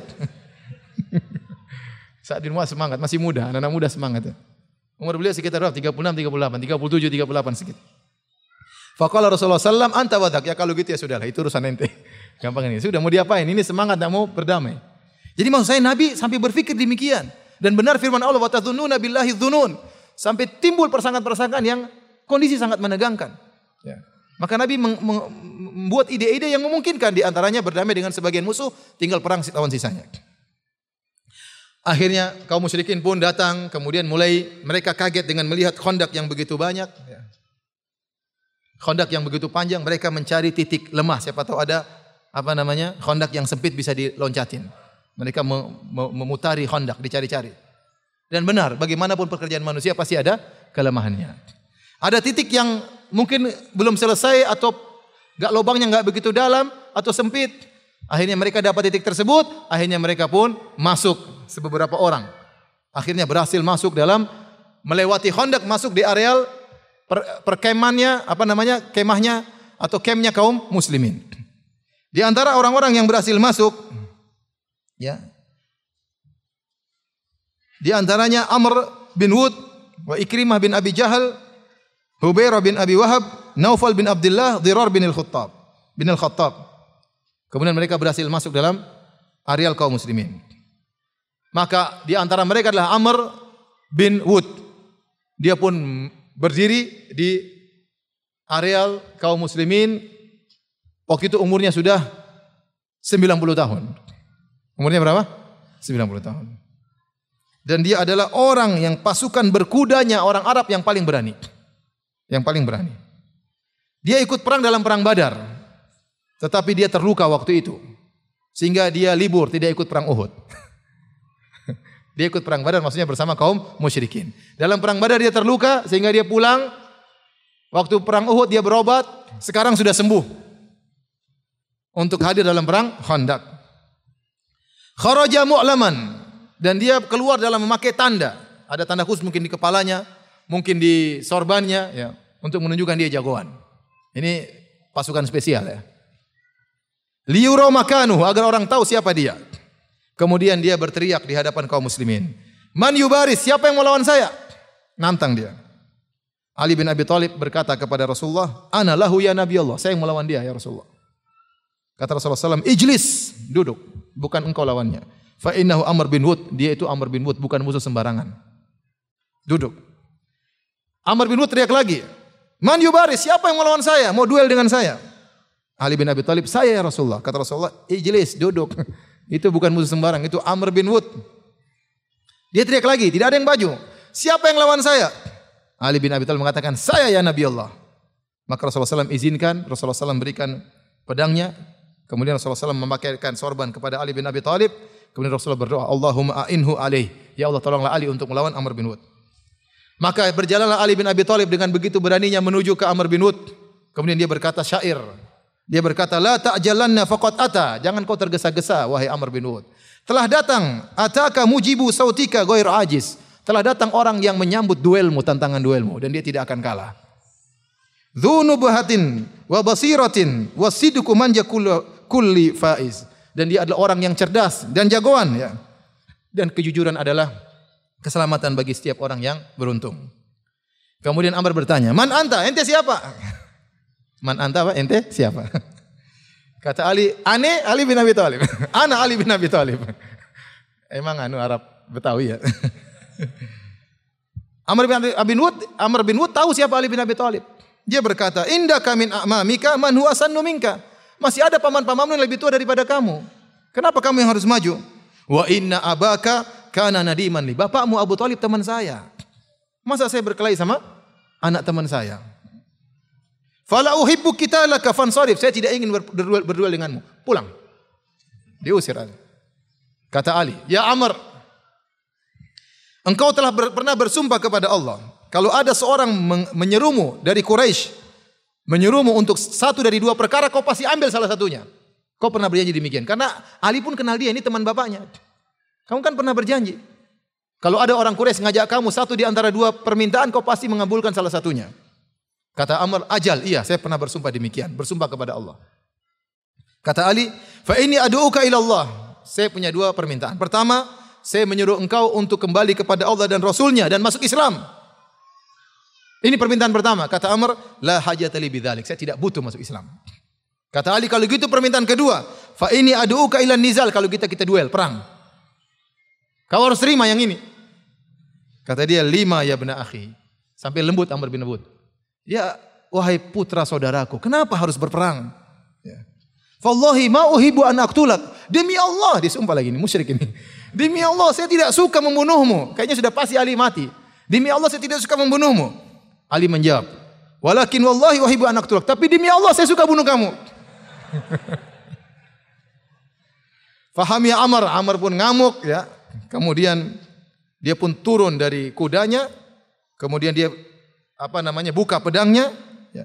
kemudian dia tikam kudanya, ya. mati kudanya artinya dia tidak akan lari. Ini menunjukkan dia apa? Berani. Kalau kudanya masih hidup kan bisa kabur, enggak. Dia turun dari kudanya, kudanya dia bunuh, jatuh, siap berperang dengan Ali bin Abi Thalib. Maka dia pun maju menuju Ali bin Abi Thalib dalam kondisi marah. Maka Ali pun menyambutnya dengan durqatihi. Itu dengan apa? Dengan uh, perisai tapi bukan dari besi, tapi dari apa? Kulit. Ya, zaman dulu tidak semua orang punya baju besi, tidak punya tidak semua orang punya tameng dari besi. Tapi ini tameng terbuat dari kulit. Ya. Bisa untuk menangkis, tapi tidak sehebat besi. Fadarabahu Amrun fi durqah faqaddaha wa athbata fiha saif. Maka Amr pun memukul Ali bin Abi Thalib. Umurnya sudah berapa? 90 tahun. Orang Arab dulu kuat-kuat ini. Ini 90 tahun padahal paling jago di antara uh, pasukan kaum musyrikin, pasukan berkudanya. Maka dia pun mukul Ali bin Abi Thalib. Ali bin Abi Thalib tangkis dengan dirqatihi dengan tameng yang terbuat dari perisai yang terbuat dari kulit. Maka pedangnya masuk di kulit tersebut, tidak bisa dicabut. Dia lagi sibuk nyabut, Ali kemudian mukul di salah sini ala habli atikihi di pundaknya, akhirnya dia pun terjatuh. Terjatuh wasarul ujaj, maka kemudian debu bertaburan. Tidak ketahuan siapa yang mati. Tiba-tiba Ali bertakbir, Allahu Akbar. Maka para sahabat tahu bahwasanya Ali telah menang. Maka tewaslah siapa? Amr bin Wud. 5 menit lagi. Lima menit lagi kenapa? Tanya jawab. Apa yang mau ditanyakan belum selesai? ya lanjut aja nggak ada nggak ada tanya jawab hari ini. Taib. Itu cerita sangat seru, tapi sanatnya doif.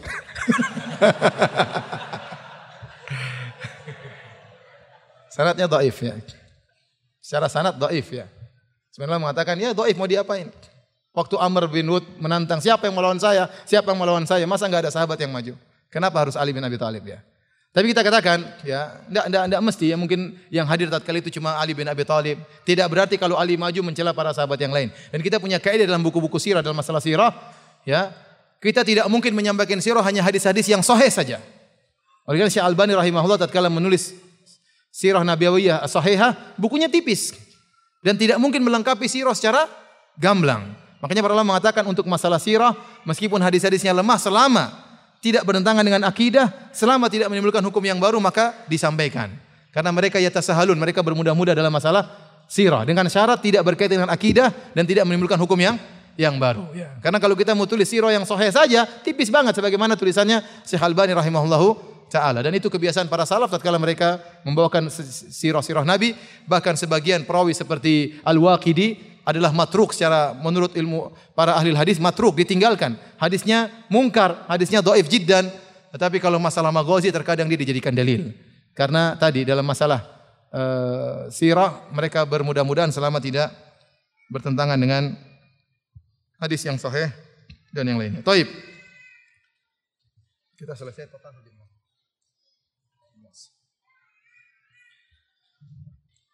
Ada sahabat yang terluka, siapa dia adalah Sa'ad bin Mu'adz radhiyallahu taala anhu. Pimpinan suku apa? Suku Al-Aus.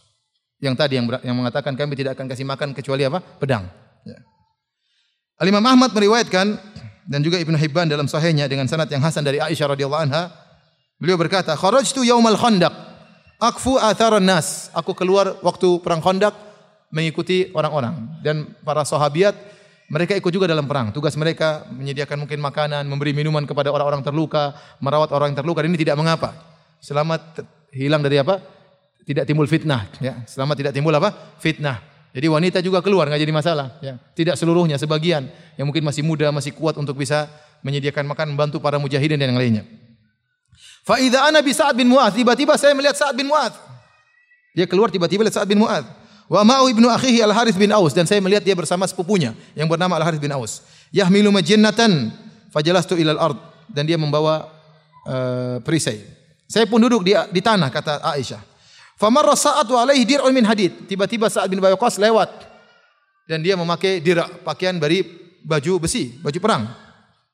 Qad kharajat minha atrafuhu, bagian ujung-ujung tubuhnya kelihatan. Fa ana atakhawafu ala atrafi saat. Saya khawatir yang bagian kelihatan tersebut bisa kena celaka. Karena mereka tidak semua punya baju perang. Baju perang besi mahal. Kalau punya baju perang sehingga baju perangnya terkadang cuma sampai di sini. Tidak sampai di uh, lengkap sampai di pergelangan tangan. Terkadang cuma sampai siku, terkadang cuma sini ya, tidak tidak lengkap. Saat bin Muaz baju perangnya tidak sampai di siku tapi cuma mungkin sampai di lengan atas. Sehingga bagian ujung-ujung jumat kelihatan, bagian lengan kelihatan. Ini bisa rawan, terkena pedang, terkena anak panah. Aisyah mengatakan saya khawatir melihat bagian ujung tubuhnya kelihatan. Jadi dalil para hadirin yang Subhanahu wa taala bahwasanya Aisyah melihat melihat para sahabat dan dia mengenali, oh ini Sa'ad bin Mu'ad, oh ini sepupunya si fulan. Ini dalil bahwasanya asalnya wanita boleh melihat apa? lelaki kecuali timbul fitnah. Kalau timbul fitnah kemudian dia mulai tertarik, mulai jatuh cinta maka dia harus tundukkan apa? pandangannya. Kita semangat ingin menjaga kaum muslimin dari fitnah-fitnah, tapi kita tidak boleh berlebih-lebihan. Aisyah melihat Sa'ad bin Mu'ad. Aisyah mengatakan, saya lihat Sa'ad bin Mu'ad. Dan saya lihat sepupunya tadi si Fulan. Aisyah juga sering dalam hadis-hadisnya mengatakan, saya lihat Dihya Al-Kalbi datang ke rumah. Padahal siapa? Malaikat Jibril. Berarti Aisyah lihat atau tidak? Lihat. Demikian juga Rasulullah SAW tatkala lagi uh, lebaran, Rasulullah menyuruh Aisyah untuk menonton orang-orang Habasyah sedang bermain perang perang-perangan. Berarti Aisyah nonton dong. Yang dinonton apa? Ya nonton seluruhnya nontonnya. Bukan wajahnya ada buram-buram seperti sekarang itu enggak. Ya kelihatan semuanya. Ya. Berbeda dengan laki-laki terhadap wanita. Asalnya laki-laki tidak boleh lihat wanita. Asalnya. Ya, kecuali ada keperluan dan tidak menimbulkan fitnah. Sebaliknya kalau perempuan asalnya boleh melihat apa? Laki-laki kecuali kalau timbul fitnah. Ya. Maka tidak mengapa ya. Misalnya wanita kemudian melihat ustadznya ceramah ya. Secara hukum tidak jadi masalah, kecuali timbul fitnah. Dan memang sebagian wanita terfitnah ya. Mungkin lihat ustadznya begitu tampan dia histeris, hati-hati. Enggak boleh. Ya, enggak boleh. Alhamdulillah banyak ustadz-ustadz yang pas-pasan saja, tidak terlalu. Tapi kalau ustadz yang tampan hati-hati. Kalau anda tertarik maka anda harus tundukkan pandangan. Hukumnya apa? Wajib. Meskipun kita bilang hukum asalnya wajah laki-laki bukan aurat. Makanya Al-Ghazali mengatakan tidak pernah di zaman mana pun laki-laki disuruh pakai cadar, enggak pernah. Paham? Taib, kita lanjutkan. Kemudian ada seorang ya menanti-nanti lewatnya Sa'ad bin Mu'ad, orang musyrikin. Dia lihat dari jauh, maka kemudian dia pun panah. Sa'ad bin Mu'ad akhirnya terkena di akhulihi, itu di bagian salah satu urat di bagian lengannya, di ziraknya. Karena tadi bagi, tidak tidak tertutup dengan apa baju baju besi. Sehingga membuat akhirnya Sa'ad bin Mu'ad terluka, tidak bisa ikut perang. Dia berusaha ikut perang, ikut perang, tapi akhirnya dia terkapar karena dalam kondisi sakit, darah keluar terus, tidak berhenti-berhenti. Akhirnya Rasulullah SAW pun mengobatinya. Rasulullah SAW membuat kai. Mengkai siapa? Sa'ad bin Mu'ad. Ya. Kemudian ternyata lukanya berhenti, tetapi semakin bengkak. Semakin bengkak. Kemudian pecah lagi, darahnya keluar lagi. Rasulullah SAW datang lagi, kemudian mengkai lagi kedua kalinya. Ya, Ternyata tidak sembuh-sembuh juga. Tatkala saat melihat kondisinya dia pasti meninggal dunia, maka dia berdoa kepada Allah Subhanahu wa taala. Dia berkata, "Allahumma la tukhrij nafsi hatta tuqirra aini min Bani Quraidah." Ya Allah, jangan kau ambil nyawaku sampai kau membuat aku senang dengan apa yang akan menimpa Bani Quraidah. Dia jengkel sama Bani Quraidah. Karena mereka berkhianat. Ya. Padahal Bani Quraidah itu dulu sahabat-sahabat dari uh, suku Aus. Saya ulangi suku Aus, suku Khazraj itu suku Ansar. Mereka berasal dari satu nenek moyang sama. Kalau tidak salah namanya Qailah. Ya Banu Qailah, yaitu suku Ansar. Tapi mereka terjadi perang saudara. Berpuluh-puluh tahun antara suku Aus suku Khazraj. Dan suku Aus bersekutu dengan Yahudi Bani Quraidah.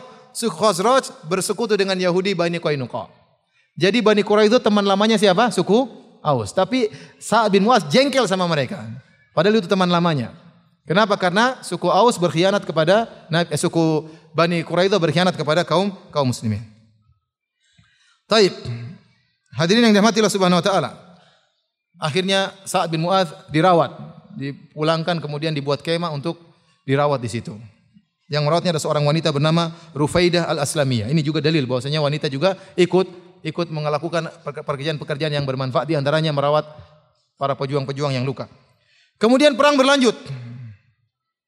Maka suatu hari, di suatu hari, kaum musyrikin ini sudah berhari-hari. Disebutkan mereka sampai sebulan mengepung kota Madinah. Nanti akhirnya baru pulang. Di antara hari-hari peperangan tersebut, ya disebutkan jadi kaum musyrikin ada yang mengatakan kaum muslimin, mereka waktu gali parit, kan banyak banyak pasirnya nih. Ditumpuk di bagian depan supaya itu menjadi benteng. Ya, ini lobang ditumpuk supaya jadi benteng bagi mereka untuk apa? Sembunyi untuk mana-mana. Ya, jadi suatu hari kaum musyrikin sudah jengkel sehingga mereka di malam hari mereka bikin atur pasukan mereka supaya waktu pagi hari langsung serang dari segala arah. Mereka pasang pasukan di pagi malam hari sudah siap-siap nih. Karena kalau malam kode etiknya berhenti. Ya. Berperang siang kalau matahari sudah terbenam berhenti tidak perang. Tatkala di malam hari mereka pasang pasukan di sebelah sini, sebelah sini, pasang semuanya pasukan kaum musyrikin. Pagi-pagi mereka ingin menyerang Nabi SAW dari segala arah. Dan akhirnya terjadi. Terutama kemahnya Nabi dipasang khusus Khalid bin Walid untuk menyerang kemahnya Nabi SAW. Semuanya dari jauh. Karena mereka nggak bisa menembus apa? Menembus khandak, parit. Akhirnya di pagi hari Nabi SAW para sahabat dikagetkan dengan serangan yang tidak berhenti-berhenti. Bertubi-tubi terus. Panah-panah tidak berhenti. Seharian penuh. Sampai akhirnya zuhur lewat. Nabi ada yang mengatakan Nabi tidak sholat, ada yang mengatakan Nabi sholat. Asar lewat, Nabi tidak sempat sholat. Sampai maghrib, Nabi tidak sholat, asar tidak sholat maghrib. Sampai dalam sebagian riwayat, duhur Nabi tidak sholat, asar Nabi tidak sholat, maghrib Nabi tidak sholat, isya Nabi tidak sholat. Semuanya di jamak takhir tatkala waktu isya. Kondisi dalam kondisi genting. Ya. Maka Rasulullah SAW tidak sempat sholat, maka Rasulullah SAW pun marah dan dia berdoa, dia mengatakan dalam eh, hadis yang sahih, syaghaluna anis salatil wusta mereka telah membuat kita tidak bisa solat asar. Mala Allahu ajwafahum wa kuburahum nara. Semoga Allah memenuhi mulut-mulut mereka dan kuburan-kuburan mereka dengan api. Dan akhirnya setelah matahari terbenam, baru kemudian Nabi SAW salat dengan dijamak asar, kemudian maghrib, kemudian apa? Isya. Ada sebagian ulama mengatakan sebagian riwayat duhur, kemudian asar, kemudian maghrib, kemudian apa? Isya. Dan Nabi waktu musuh sudah berhenti, Nabi berwudu, ya, kemudian baru sholat bersama para sahabat. Ini dalil bahwasanya ya meskipun dalam kondisi genting selama bisa menggunakan air wudu maka tidak boleh tayamum. Para sahabat tetap saja ber, berwudu. Setelah itu mereka berjamaah dan mereka menjamak. Dari sini sebenarnya mengatakan kalau kita bisa menyamakan antara dua sholat tidak mengapa kita jamak seperti maghrib dengan isya, seperti sholat dengan duhur dengan asar. Tapi ada kondisi kita nggak bisa sholat sama sekali, nggak bisa sholat. Kalau bisa sholat sambil berjalan, sholat sambil berjalan. Ada kondisi kita tidak bisa sholat sama sekali karena kita harus konsentrasi penuh. Contoh kata para ulama seperti orang yang mungkin dia menyetir pesawat, ya memilot jadi pilot di pesawat pesawat tempur. Sementara dia harus konsentrasi ngejar musuh atau sedang dikejar. Ya. Waktu asar sudah mau habis ya. Gak mungkin kalau dia sholat sambil nyetir bakalan nabrak atau di. Ini butuh konsentrasi full. Gak bisa. Ya sudah dia tidak bisa sholat. Gak apa-apa. Karena ini dalam kondisi apa darurat. Asalnya seorang tidak boleh mengeluarkan waktu sholat. Kecuali apa? Darurat. Contoh seorang masuk dalam operasi. Tahu-tahu operasinya panjang. Ada operasi sampai belasan jam. Tidak mungkin dia tinggalkan. Tinggalkan ini langsung mati. Iya, nggak bisa. Ada sebagian orang operasi begitu sampai belasan jam. Sementara dia yang ahlinya tidak bisa ganti-gantian. Konsentrasi penuh belasan jam. Ya. Kalau dia sholat bisa jadi langsung meninggal dunia. Maka seperti kondisi darurat sebagaimana dialami oleh Nabi Shallallahu Alaihi Wasallam maka boleh ditunda meskipun selesai Waktu telah lewat. Taib. Di waktu-waktu yang genting seperti itu, ada pertolongan Allah yang tidak diduga-duga. Ada orang kafir Quraisy, eh, ada orang kafir uh, musyrik yang akhirnya masuk Islam. Dari Bani Asja kalau tidak salah namanya Nuaim bin Mas'ud. Nuaim bin Mas'ud, ya. Dia datang ke situ, dia tadinya musyrik, Tahu-tahu dalam kondisi genting seperti itu justru masuk Islam. Ini aneh, tapi demikianlah Allah beri pertolongan di luar dugaan. Allah beri pertolongan di luar dugaan. Yang penting para sahabat sudah berusaha, Nabi sudah berusaha, sudah berdoa dan yang lain-lainnya. Tiba-tiba seharusnya dia semakin kokoh dengan kesyirikannya, justru dalam kondisi genting tersebut dia justru masuk masuk Islam. Nuaim bin Mas'ud bercerita, dia mengatakan, tatkala pasukan seluruhnya Al-Ahzab datang menuju Rasulullah SAW, aku berjalan bersama mereka dalam pasukan tersebut. Dan aku berada di atas agama mereka, agama kesyirikan. Dan Rasulullah SAW mengenal aku. Ya. Tiba-tiba Allah melemparkan Islam dalam tubuhku, dalam kondisi seperti itu. Maka aku pun menyembunyikan imanku agar kaumku tidak tahu. Maka aku pun diam-diam pergi menuju ke Rasulullah sallallahu alaihi wasallam antara maghrib dan isya di malam hari. Tatkala perang sudah berhenti. Aku mendapati dia sedang sholat. Tatkala Nabi melihatku, Nabi pun duduk Nabi bertanya, "Ma abika ya Nuaim? Apa yang buat kau datang kemari wahai Nuaim?" Kata Nuaim, "Sungguhnya aku datang untuk membenarkan engkau dan aku bersaksi bahwasanya apa yang kau bawa adalah benar wahai Rasulullah. Maka perintahkanlah kepada aku apa yang bisa aku lakukan wahai Rasulullah sekarang ini." Masuk Islam dia. Kata Rasulullah SAW berkata, ya, Engkau hanyalah satu orang. Innama anta fina rajulun wahid. Cuma satu orang. Kalau mereka 10 ribu, kamu gabung jadi kami, mereka tinggal 9.999. Apa faedahnya? Paham kata Nabi.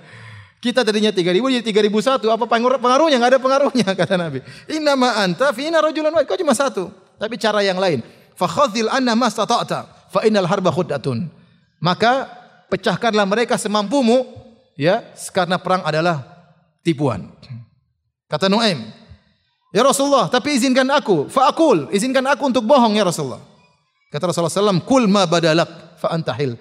Ngomong terserah kamu. Halal. Maka Nuaim pun jalan menuju Bani Quraidah. Dan Bani Quraidah kenal dia. Mereka kenal dia tatkala di zaman jahiliyah. Maka dia berkata, "Wahai Bani Quraidah, kalian tahu bagaimana cintaku kepada kalian. Terutama antara aku dengan kalian, Bani Quraidah khususnya. Kata mereka, benar engkau. Kamu tidak tertuduh. Kamu tidak dicurigai di sisi kami. Maka Nuaim berkata, dia bohong. Sungguhnya orang-orang Quraisy dan Gotofan, mereka bukan seperti kalian. Kalian memang penduduk asli kota Madinah. Adapun mereka Quraisy dan Gotofan kan datang ke sini kota Madinah. Al-balad baladukum Madinah kota kalian. Di situ ada harta kalian, anak-anak kalian, di Madinah ada anak kalian, istri kalian, harta kalian. Ya. Kalian tidak mungkin berpindah ke kota lain. Sungguhnya Quraisy dan kabilah Ghatafan datang untuk memerangi Muhammad dan para sahabatnya dan kalian telah membantu mereka wahai Bani Quraidah. Sementara mereka datang ke sini, istri-istri mereka di sana, di kampung mereka, di Mekah, di Najd, harta-harta mereka di sana, negeri mereka di sana. Mereka tidak seperti kalian. Kalau mereka mendapati kesempatan, maka mereka akan menyerang kota Madinah. Akan tapi kalau ternyata mereka salah, mereka kalah, mereka akan balik. Pulang. Nah kalau mereka pulang kalian bagaimana? Mikir juga Bani Quraidah. Ya. Orang Yahudi biasanya yang bohongin, sekarang dibohongin. Mereka akan tinggalkan kalian melawan Muhammad dan para sahabatnya. Dan kalian tidak akan mampu melawan Muhammad. Fala tuqatilu ma'al qaum hatta ta'khudhu minhum rahnan. Kalau gitu jangan ikut masuk dengan mereka berperang melawan Muhammad sampai kalian mengambil jaminan dari mereka. Ini nasihat saya. Caranya bagaimana? Ya, ambil orang-orang pembesar di sisi mereka, kalian tahan sebagai jaminan, jangan sampai mereka kabur. Jadi kalau mereka harus berperang sampai titik darah penghabisan. Caranya gimana? Ambil pembesar-pembesar mereka, beberapa orang jadikan jaminan tahan. Ya. Kata mereka, laqad asyarta birra'yi, idemu bagus sekali.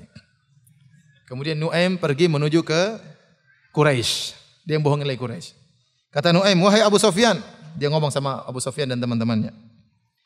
Qad araftum wudilakum wa firaqi Muhammad dan kalian tahu saya cinta kepada kalian dan saya sudah meninggalkan Muhammad. Saya berbeda dengan Muhammad. Namun ada berita sampai kepadaku dan saya lihat ini harus saya sampaikan kepada kalian.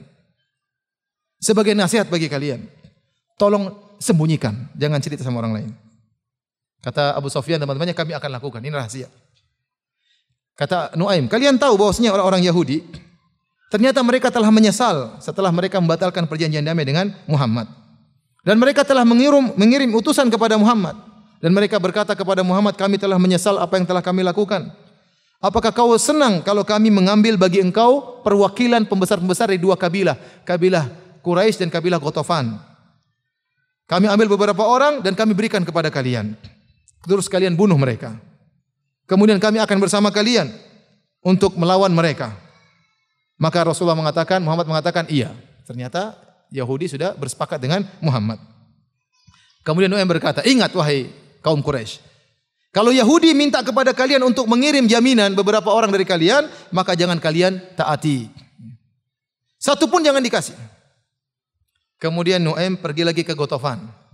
Sama, dia mengatakan wahai kabilah Gotofan, kalian tahu saya dari kalian, saya dari kabilah kalian, saya dari kalian ya. Dan saya paling cinta kepada kalian. Tapi kalian saya lihat kalian telah dibohongin gini gini gini gini. Akhirnya mereka semua percaya. Gara-gara ini timbul khilaf di kalangan orang-orang Al-Ahzab antara Quraisy, antara kabilah Ghatafan sama orang-orang Yahudi. Waktu udah mau habis ya. Apa kita mau tunda lagi? Lanjut ya. Bisa nggak sampai setengah 12? Oh maksimal jam 11 seperempat. Uh, ceritanya mau kita cepatin ya. Tapi hadirin Allah Subhanahu wa taala ya. Akhirnya Abu Sofyan berkata, terjadi khilaf di antara mereka.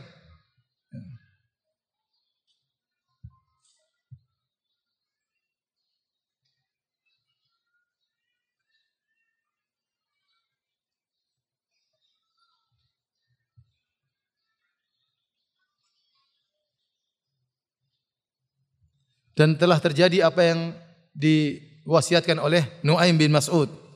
Akhirnya orang-orang Yahudi minta kepada ya kepada kabilah Quraisy dan kabilah Gotofan untuk mengirim jaminan kepada kepada mereka. Kemudian akhirnya mereka sadar bahwasanya apa yang dikatakan oleh Nuaim telah telah benar. Akhirnya terjadi perpecahan di antara kabilah Quraisy dan Gotofan dengan kabilah uh, Bani Quraidah. Kata mereka, "Innal ladzi dzakara lakum Nuaim bin Mas'ud la haqqun." Sungguhnya apa yang dikatakan oleh Nuaim benar. Waktu kabilah Quraidah minta jaminan, ternyata orang-orang Quraisy dan Qatafan tidak mengirim jaminan. Kata mereka, Nuaim juga benar. Ternyata mereka apa? Pembohong. Padahal sama-sama dibohongi sama Nuaim bin Mas'ud. Akhirnya mereka kemudian terpecah-pecah. Ini di antara ya pertolongan Allah kepada kaum muslimin di tengah-tengah kegentingan. Di antara pertolongan yang lain, Nabi berdoa dalam Sahih Bukhari dan Sahih Muslim, Nabi berdoa, Allahumma munzilal kitab. Ya Allah yang telah menurunkan Alkitab, sari al-hisab, yang hisabnya cepat. Ihzimil ahzab, hancurkanlah para ahzab. Allahumma ihzimhum wa zalzilhum. Ya Allah hancurkanlah mereka dan goncangkanlah mereka. Akhirnya benar Allah Subhanahu wa taala mengirim angin yang sangat kencang. Rasulullah SAW bersabda, "Nusirtu bis saba wa uhlikat adun bid dabur." Kita ditolong oleh angin soba yaitu disebutkan angin soba adalah angin timur. Adapun kaum Ad telah dihancurkan dengan angin barat. Jadi angin yang dikirim ya benar-benar menghancurkan mereka meskipun tidak sekuat angin yang menimpa kaum Ad ya. Kalau angin yang menimpa kaum Ad luar biasa ya. Tanzi'un nasa, angin tersebut masuk ngambilin kaum Ad, kemudian diputar-putar di udara selama 8 hari 7 malam sampai kepala mereka lepas-lepas ya. Tapi kalau angin yang dikirim kepada kaum Quraisy dan Qatafan tidak sekencang itu tapi memporak-porandakan mereka. Akhirnya Allah kirim malaikat dan juga angin. Kata Allah, "Ya ayyuhalladzina amanu, udzkuru nikmatallahi alaikum." Wahai orang beriman, ingatlah nikmat yang Allah berikan kepada kalian. Idz ja'atkum junudun, tatkala datang pasukan memerangi kalian, fa arsalna alaihim rihan. Kami pun kirim kepada mereka angin yang kencang. Wa junudan lam tarauha dan para malaikat yang kalian tidak lihat. Wa kana Allahu bima ta'maluna basira. Dan Allah Maha melihat apa yang kalian lakukan. Maka angin tersebut datang ya, kemudian menghancurkan memporak-porandakan mereka.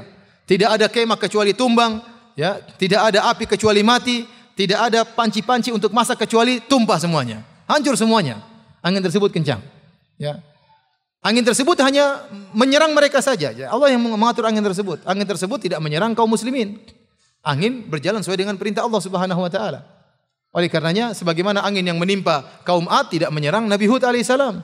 Bahkan sebagaimana suara yang kencang yang menggelegar yang mematikan kaum Samud sementara Nabi Soleh tidak mendengar suara tersebut. Mudah bagi Allah seharusnya kalau ada ada guntur semuanya dengar termasuk Nabi Soleh. Tapi ternyata guntur tersebut mematikan kaum Samud sementara Nabi Soleh dan pengikutnya apa? Selamat. Ya. Sebagaimana kita lihat terkadang terjadi gempa luar biasa, semua hancur ternyata mesti tidak hancur. Itu Allah yang atur. Terjadi, terjadi gempa, rumah kanan kiri hancur, tengah-tengahnya tidak hancur, gempanya seakan-akan belok begini ya. ya. Angin tersebut Allah kirim menyerang orang-orang kafir Quraisy, tidak menyerang kaum muslimin. Kenapa tidak dihancurkan sekalian mati seluruhnya? Kata para ulama, karena Allah tahu di antara mereka banyak yang masuk Islam nanti. Abu Sufyan nanti masuk Islam. Di antara mereka ada Khalid bin Walid nanti masuk Islam. Di antara mereka ada Ikrimah bin Abi Jahal nanti masuk Islam dan semua jadi pejuang-pejuang di jalan Allah. Di antara mereka nanti masuk Islam tatkala Fatu Makkah. Maka Allah hanya mengirim angin untuk memberi pelajaran kepada mereka, tidak membunuh mereka karena mereka suatu saat akan masuk Islam dan membela Islam bahkan berjuang mati demi Islam. Bagaimana kondisi setelah itu? Kondisi sangat genting, ketakutan luar biasa. Maka Nabi SAW mengirim Hudzaifah untuk mengecek kondisi musuh. Ya, saya bacakan hadisnya. Hadis riwayat Imam Ahmad dalam musnadnya dengan hasanat yang hasan. An Muhammad bin Ka'ab Al-Quradhi. Dari Muhammad bin Ka'ab Al-Quradhi qala Qala fatan minna min ahli Kufah li Hudzaifah bin Yaman. Ada seorang pemuda dari kami dari penduduk Kufah dari Irak ngomong sama Hudzaifah bin Yaman. Hudzaifah bin Yaman sahabat radhiyallahu anhu. Dia berkata, "Ya Aba Abdullah, ra'aitum Rasulullah sallallahu alaihi wasallam wa sahibtumuhu?" Wahai Hudzaifah, wahai Abu Abdullah, apakah Anda pernah melihat Nabi sallallahu alaihi wasallam? Apakah Anda pernah bersahabat dengan Nabi sallallahu alaihi wasallam? Kata Hudzaifah, "Na'am ya ibna akhi." Iya, saya pernah bersahabat dengan Rasulullah. Bahkan Hudzaifah adalah sahibu sir Rasulullah, pemilik rahasia-rahasia Nabi. Fa kaifa kuntum tasnaun? Maka dia bertanya lagi pemuda ini, tabi'in. Apa yang kalian lakukan terhadap Rasulullah sallallahu alaihi wasallam? Kata Hudzaifah, "Wallahi laqad kunna najhadu." Kami dulu mengalami banyak kesulitan bersama Nabi sallallahu alaihi wasallam, banyak ujian. Dalam kepayahan.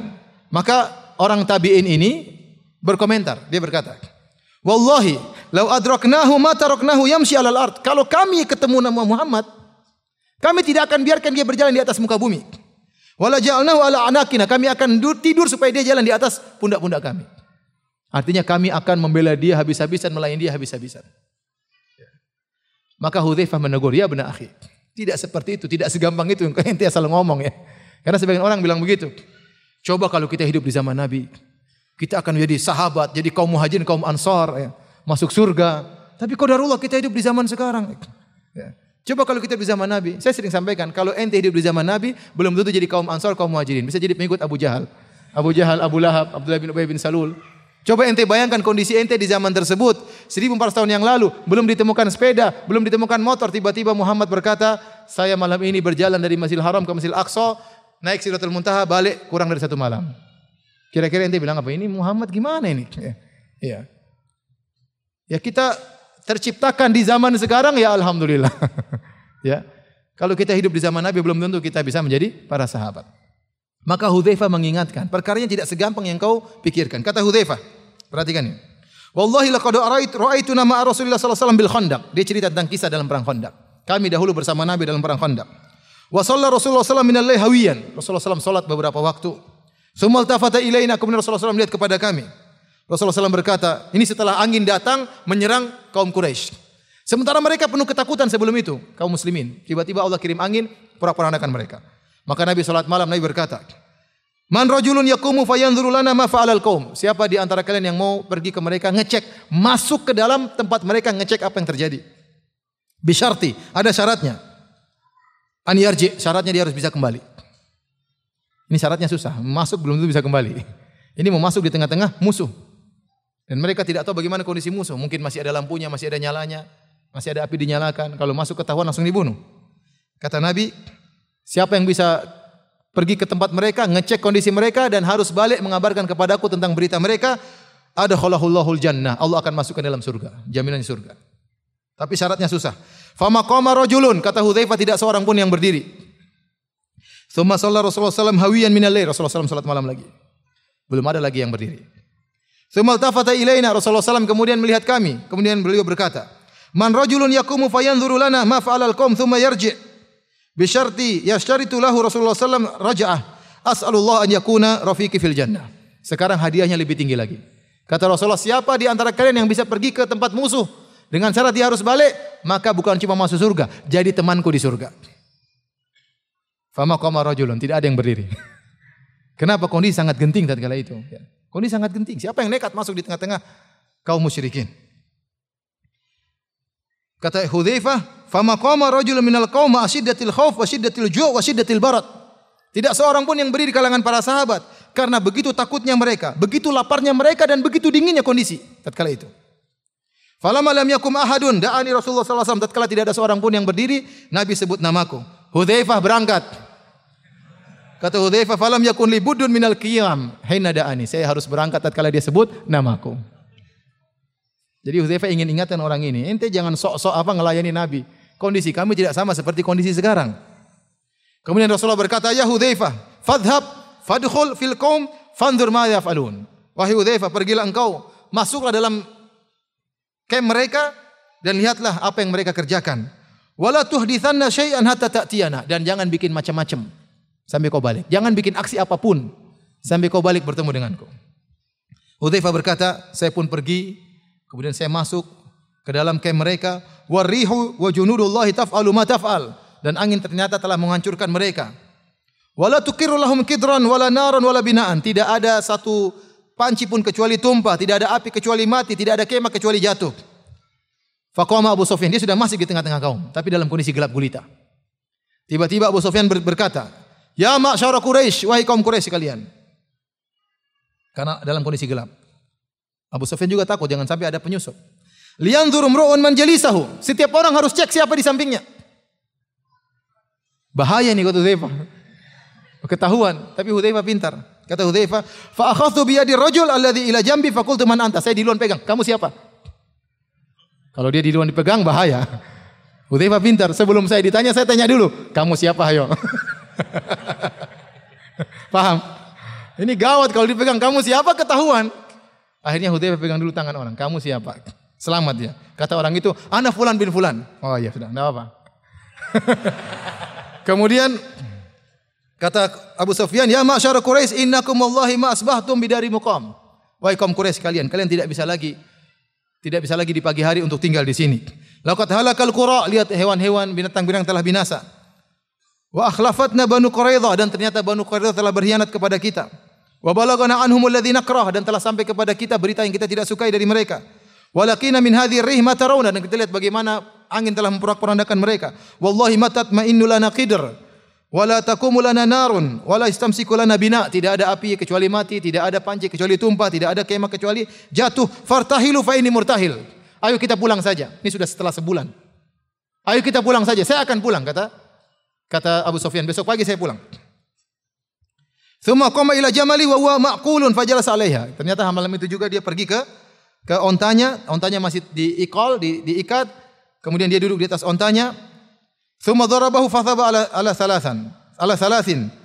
Kemudian dia pun memukul onta tersebut, onta tersebut berdiri. Fama atlaka iqala ila wa huwa qa'im. Tatkala dibuka ikolnya maka onta tersebut berdiri. Abu Sofyan dilihat oleh Hudzaifah. Tinggal di panah langsung apa? Mati. Dan Abu Sofyan adalah pemimpin kaum musyrikin tatkala itu. Kata Hudzaifah, "Falaula ahdu Rasulillah, kalau bukan peringatan Nabi, jangan bikin aksi apa pun. Thumma syi'tu, kemudian saya ingin, tuh saya akan bunuh dia. Ya. Bisahmin dengan panah. Tapi Hudzaifah pegang wasiat Nabi, Hudzaifah tidak membunuh siapa? Abu Sufyan. Padahal sudah makan empuk tinggal panah mati. Ya. Akhirnya kata Hudzaifah, saya pun balik ketemu dengan Nabi sallallahu alaihi wasallam ya, mengabarkan berita ya. Tapi hadirin telah subhanahu wa taala, akhirnya tatkala di pagi hari mereka pun pulang. Mereka pulang meninggalkan uh, Khandak ya, meninggalkan kota Madinah, 10 ribu pasukan seluruhnya pulang. Kemudian Nabi SAW berkata kepada para sahabat, Al-ana nakzuhum wala yakzunana nahnu nasiru ilaihim. Mulai saat ini mereka tidak bakalan lagi menyerang kita. Kita yang menyerang mereka setelah ini. Dan benar setelah itu yang ada Rasulullah kirim pasukan terus. Tidak ada lagi orang Quraisy datang menyerang kota Madinah. Kemudian terjadi peperangan, peperangan, peperangan sampai perang Khaybar, sampai akhirnya Fatu Makkah, sampai akhirnya Rasulullah menyerang dan seterusnya sampai kaum muslimin akhirnya menang. Taib para hadirin Allah Subhanahu wa taala uh, setelah itu mereka pun pulang singkat cerita akhirnya Rasulullah SAW pun pulang ke kota Madinah. Kemudian Rasulullah SAW mandi, tiba-tiba malaikat Jibril datang dalam bentuk Dihya Al-Kalbi. Kenapa kau meletakkan pedangmu, wahai Rasulullah, wahai Muhammad, sementara kita belum selesai perang? Masih ada urusan selanjutnya, itu Bani Quraidah. Maka Rasulullah SAW pun segera berangkat menuju Bani Quraidah, para, pengkhianat. Rasulullah SAW berwasiat kepada para sahabat, la yusalliyanna ahadun ya al asra illa inda Bani Quraidah. Jangan salah seorang dari kalian pun salat asar kecuali di Bani Quraidah. Maka para sahabat berangkat, tiba-tiba di tengah perjalanan tiba waktu salat asar. Sebagian mengatakan ingat sabda Nabi, tidak boleh kita salat kecuali di Bani Quraidah. Mereka melanjutkan perjalanan. Sebagian lagi mengatakan tidak maksudnya kita harus cepat-cepat. Makanya tatkala kita ketemu asar sekarang ya salat dulu, jangan ditunda. Khilaflah di antara mereka. Mereka berisihat. Akhirnya tatkala mereka pulang Nabi tidak mencela salah satu di antara keduanya, ya. Tidak dicela, tapi ini sihat di antara mereka. Tapi akhirnya Rasulullah SAW kemudian mengepung mereka. Berhari-hari mereka dikepung. Maka Bani Quraidah sadar bahwasanya mereka tidak akan dibiarkan oleh Nabi Shallallahu Alaihi Wasallam. Kemudian akhirnya mereka ketakutan, mereka minta kalau ada utusan dari Rasulullah wasallam supaya mereka bisa berdiskusi. Maka Nabi wasallam mengirim Abu Lubabah radhiyallahu taala anhu menuju ke Bani Quraidah. Tatkala Abu Lubabah masuk di Bani Quraidah, Abu Lubabah melihat anak-anak pada menangis, wanita-wanita pada ketakutan, Bani Quraidah pada ketakutan. Timbul rasa kasihan kepada mereka, Abu Lubabah. Waktu mereka bertanya, "Wahai Abu Lubabah, apa yang diinginkan oleh Rasulullah wasallam?" Abu Lubabah bilang begini. Akhirnya dia kasih tahu. Dia kasih tahu. Setelah itu dia merasa bersalah. Tiba-tiba waktu dia sudah begini, dia tahu dia telah berkhianat kepada Rasulullah SAW. Maka dia pun pulang ke Masjid Nabawi. Kemudian dia mengingatkan dirinya di sebuah tiang. Ustuana Taubah. Sampai sekarang masih ada di kota Madinah.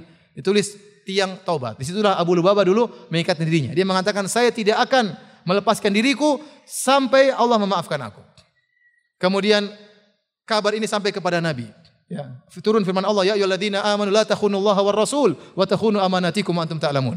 Wahai orang beriman, janganlah kalian berkhianat kepada Allah dan Rasulnya. Padahal kalian mengetahui. Istrinya datang kalau dia mau sholat dilepasin, kemudian dipasang lagi, kemudian di, demikian. Dan dia terus diikat, mengikatkan dirinya di pintu di tiang tersebut. Nabi mengatakan seandainya dia datang kepada saya minta ampun, saya akan mohon ampunan kepada Allah Subhanahu wa taala. Namun dia tidak datang, ya sudah biarin saja. Sampai akhirnya Allah turunkan firman-Nya apa namanya wa akharuna khalatu amalun amalan salihan apa namanya wa khalatu amalan salihan wa akhara sayyi'a asallahu an yatuba alaihim Allah turunkan ayatnya memaafkan Abu Lubabah Allah mengatakan di antara hamba-hamba Allah ada yang mencampurkan antara amal soleh dengan maksiat dan semoga Allah mengampuni mereka setelah itu baru Abu Lubabah melepaskan ikatannya Kemudian waktu Nabi menghukum bahwasanya mereka akan dibunuh, laki-lakinya dibunuh, yang wanita tidak, anak-anak tidak. Yang ikut perang semuanya dari Bani Quraidah sekitar 400 orang atau 700 orang dibunuh. Maka datanglah suku Aus, sudah kita sampaikan tadi. Suku Aus di zaman jahiliyah berteman dengan siapa? Bani Quraidah. Maka mereka berkata, "Ya Rasulullah, jangan bunuh mereka ya Rasul. Dulu mereka hulafauna. Mereka dahulu teman-teman kami waktu di zaman jahiliyah. Bukankah engkau telah memaafkan Bani Qainuqa gara-gara permintaan suku Khazraj? Suku Khazraj dulu minta kepada Rasulullah, ya Rasulullah Bani Qainuqa jangan dibunuh, biarin mereka pergi. Nabi kabulkan, di, di, dibiarkan pergi ke negeri Syam. Sekarang kami juga mohon agar engkau tidak membunuh Bani Quraidah. Nabi mengatakan, apa kalian setuju kalau keputusan kalian dipegang oleh salah seorang dari kalian yaitu Sa'ad bin Mu'adz? Oh, mereka setuju karena Sa'ad bin Mu'adz adalah pimpinan mereka, pimpinan suku Aus. Sementara Sa'ad bin Mu'adz lagi lagi terluka. Akhirnya mereka setuju. Akhirnya Sa'ad bin Mu'adz didatangkan di atas tunggangan dalam kondisi terluka. Kemudian Nabi berkata, "Wahai Sa'ad bin Mu'adz, ya, kata Nabi, sambutlah kumu ila sayyidikum, sambutlah berdiri sambut pimpinan kalian. Bani suku Aus semuanya menyambut Sa'ad bin Mu'adz. Kemudian kata Nabi Sa'ad bin Mu'adz, bagaimana putusan engkau kepada kalian? Kata Sa'ad bin Mu'adz, menurut saya semua yang ikut perang dibunuh. Wanita-wanitanya ditawan, yang ikut perang semuanya dibunuh. Maka Nabi SAW mengucapkan kalimat yang mulia, ya beliau berkata, "Laqad hakamta." Engkau telah berhukum ya dengan suatu hukum yang sesuai dengan hukum Allah dari langit yang ketujuh ya. Saya ingin lihat apa namanya ibaratnya. Kata Rasulullah SAW, Laqad hakamta fihim bihukmillahi min fawqi sab'i samawat. Engkau telah berhukum kepada mereka dengan hukum Allah. Cocok dengan hukum Allah dari yang ada di atas langit yang yang tujuh. Maka setelah itu Bani Quraidah pun dibunuh. Dikumpulkan mereka, dikirim sebagian, dibunuh, yang lain nunggu. Dikirim lagi sebagian, yang lain nunggu. Waktu mereka sedang dikumpulkan, yang lain pergi tidak kembali lagi. Kemudian ada yang komentar kepada Ka'ab Al-Quradi. Pimpinan mereka siapa? Ka'ab Al-Quradi. Ka'ab bin Asad Al-Quradi. Anak buahnya yang berkata, "Wahai Ka'ab, apa yang terjadi dengan dengan teman-teman kita? Kok pergi nggak balik lagi?" Kata Ka'ab, "Kalian sudah kondisi gini masih goblok juga." Itu namanya mati, tahu nggak? Akhirnya semuanya dibunuh termasuk Huyai bin Akhtab. Huyai bin Akhtab dia setia, dia tidak kabur. Dia menunggu sampai akhirnya juga di, dibunuh. Ya. Maka selesai perang Ghazwatul Ahzab ya, dan juga terbunuhnya Bani Quraidah. Mereka dibunuh karena pengkhianatan mereka di saat-saat yang sangat berbahaya. Tidak seperti pengkhianatan Yahudi-Yahudi yang lain sebelumnya. Allah Ta'ala alam bisawab. Ya. Eh, demikian saja kajian kita. Saya rasa tidak ada pertanyaan karena sudah habis waktu. Mohon maaf karena di bagian akhir kita ceritakan dengan singkat sebenarnya masih banyak yang menarik. Tapi waktu tidak mencukupkan. Demikian wabillahi taufik wal hidayah. Assalamualaikum warahmatullahi wabarakatuh. Donasi dakwah Yufid. Yuk berikan amal jariah terbaik Anda untuk dakwah dan pendidikan Islam.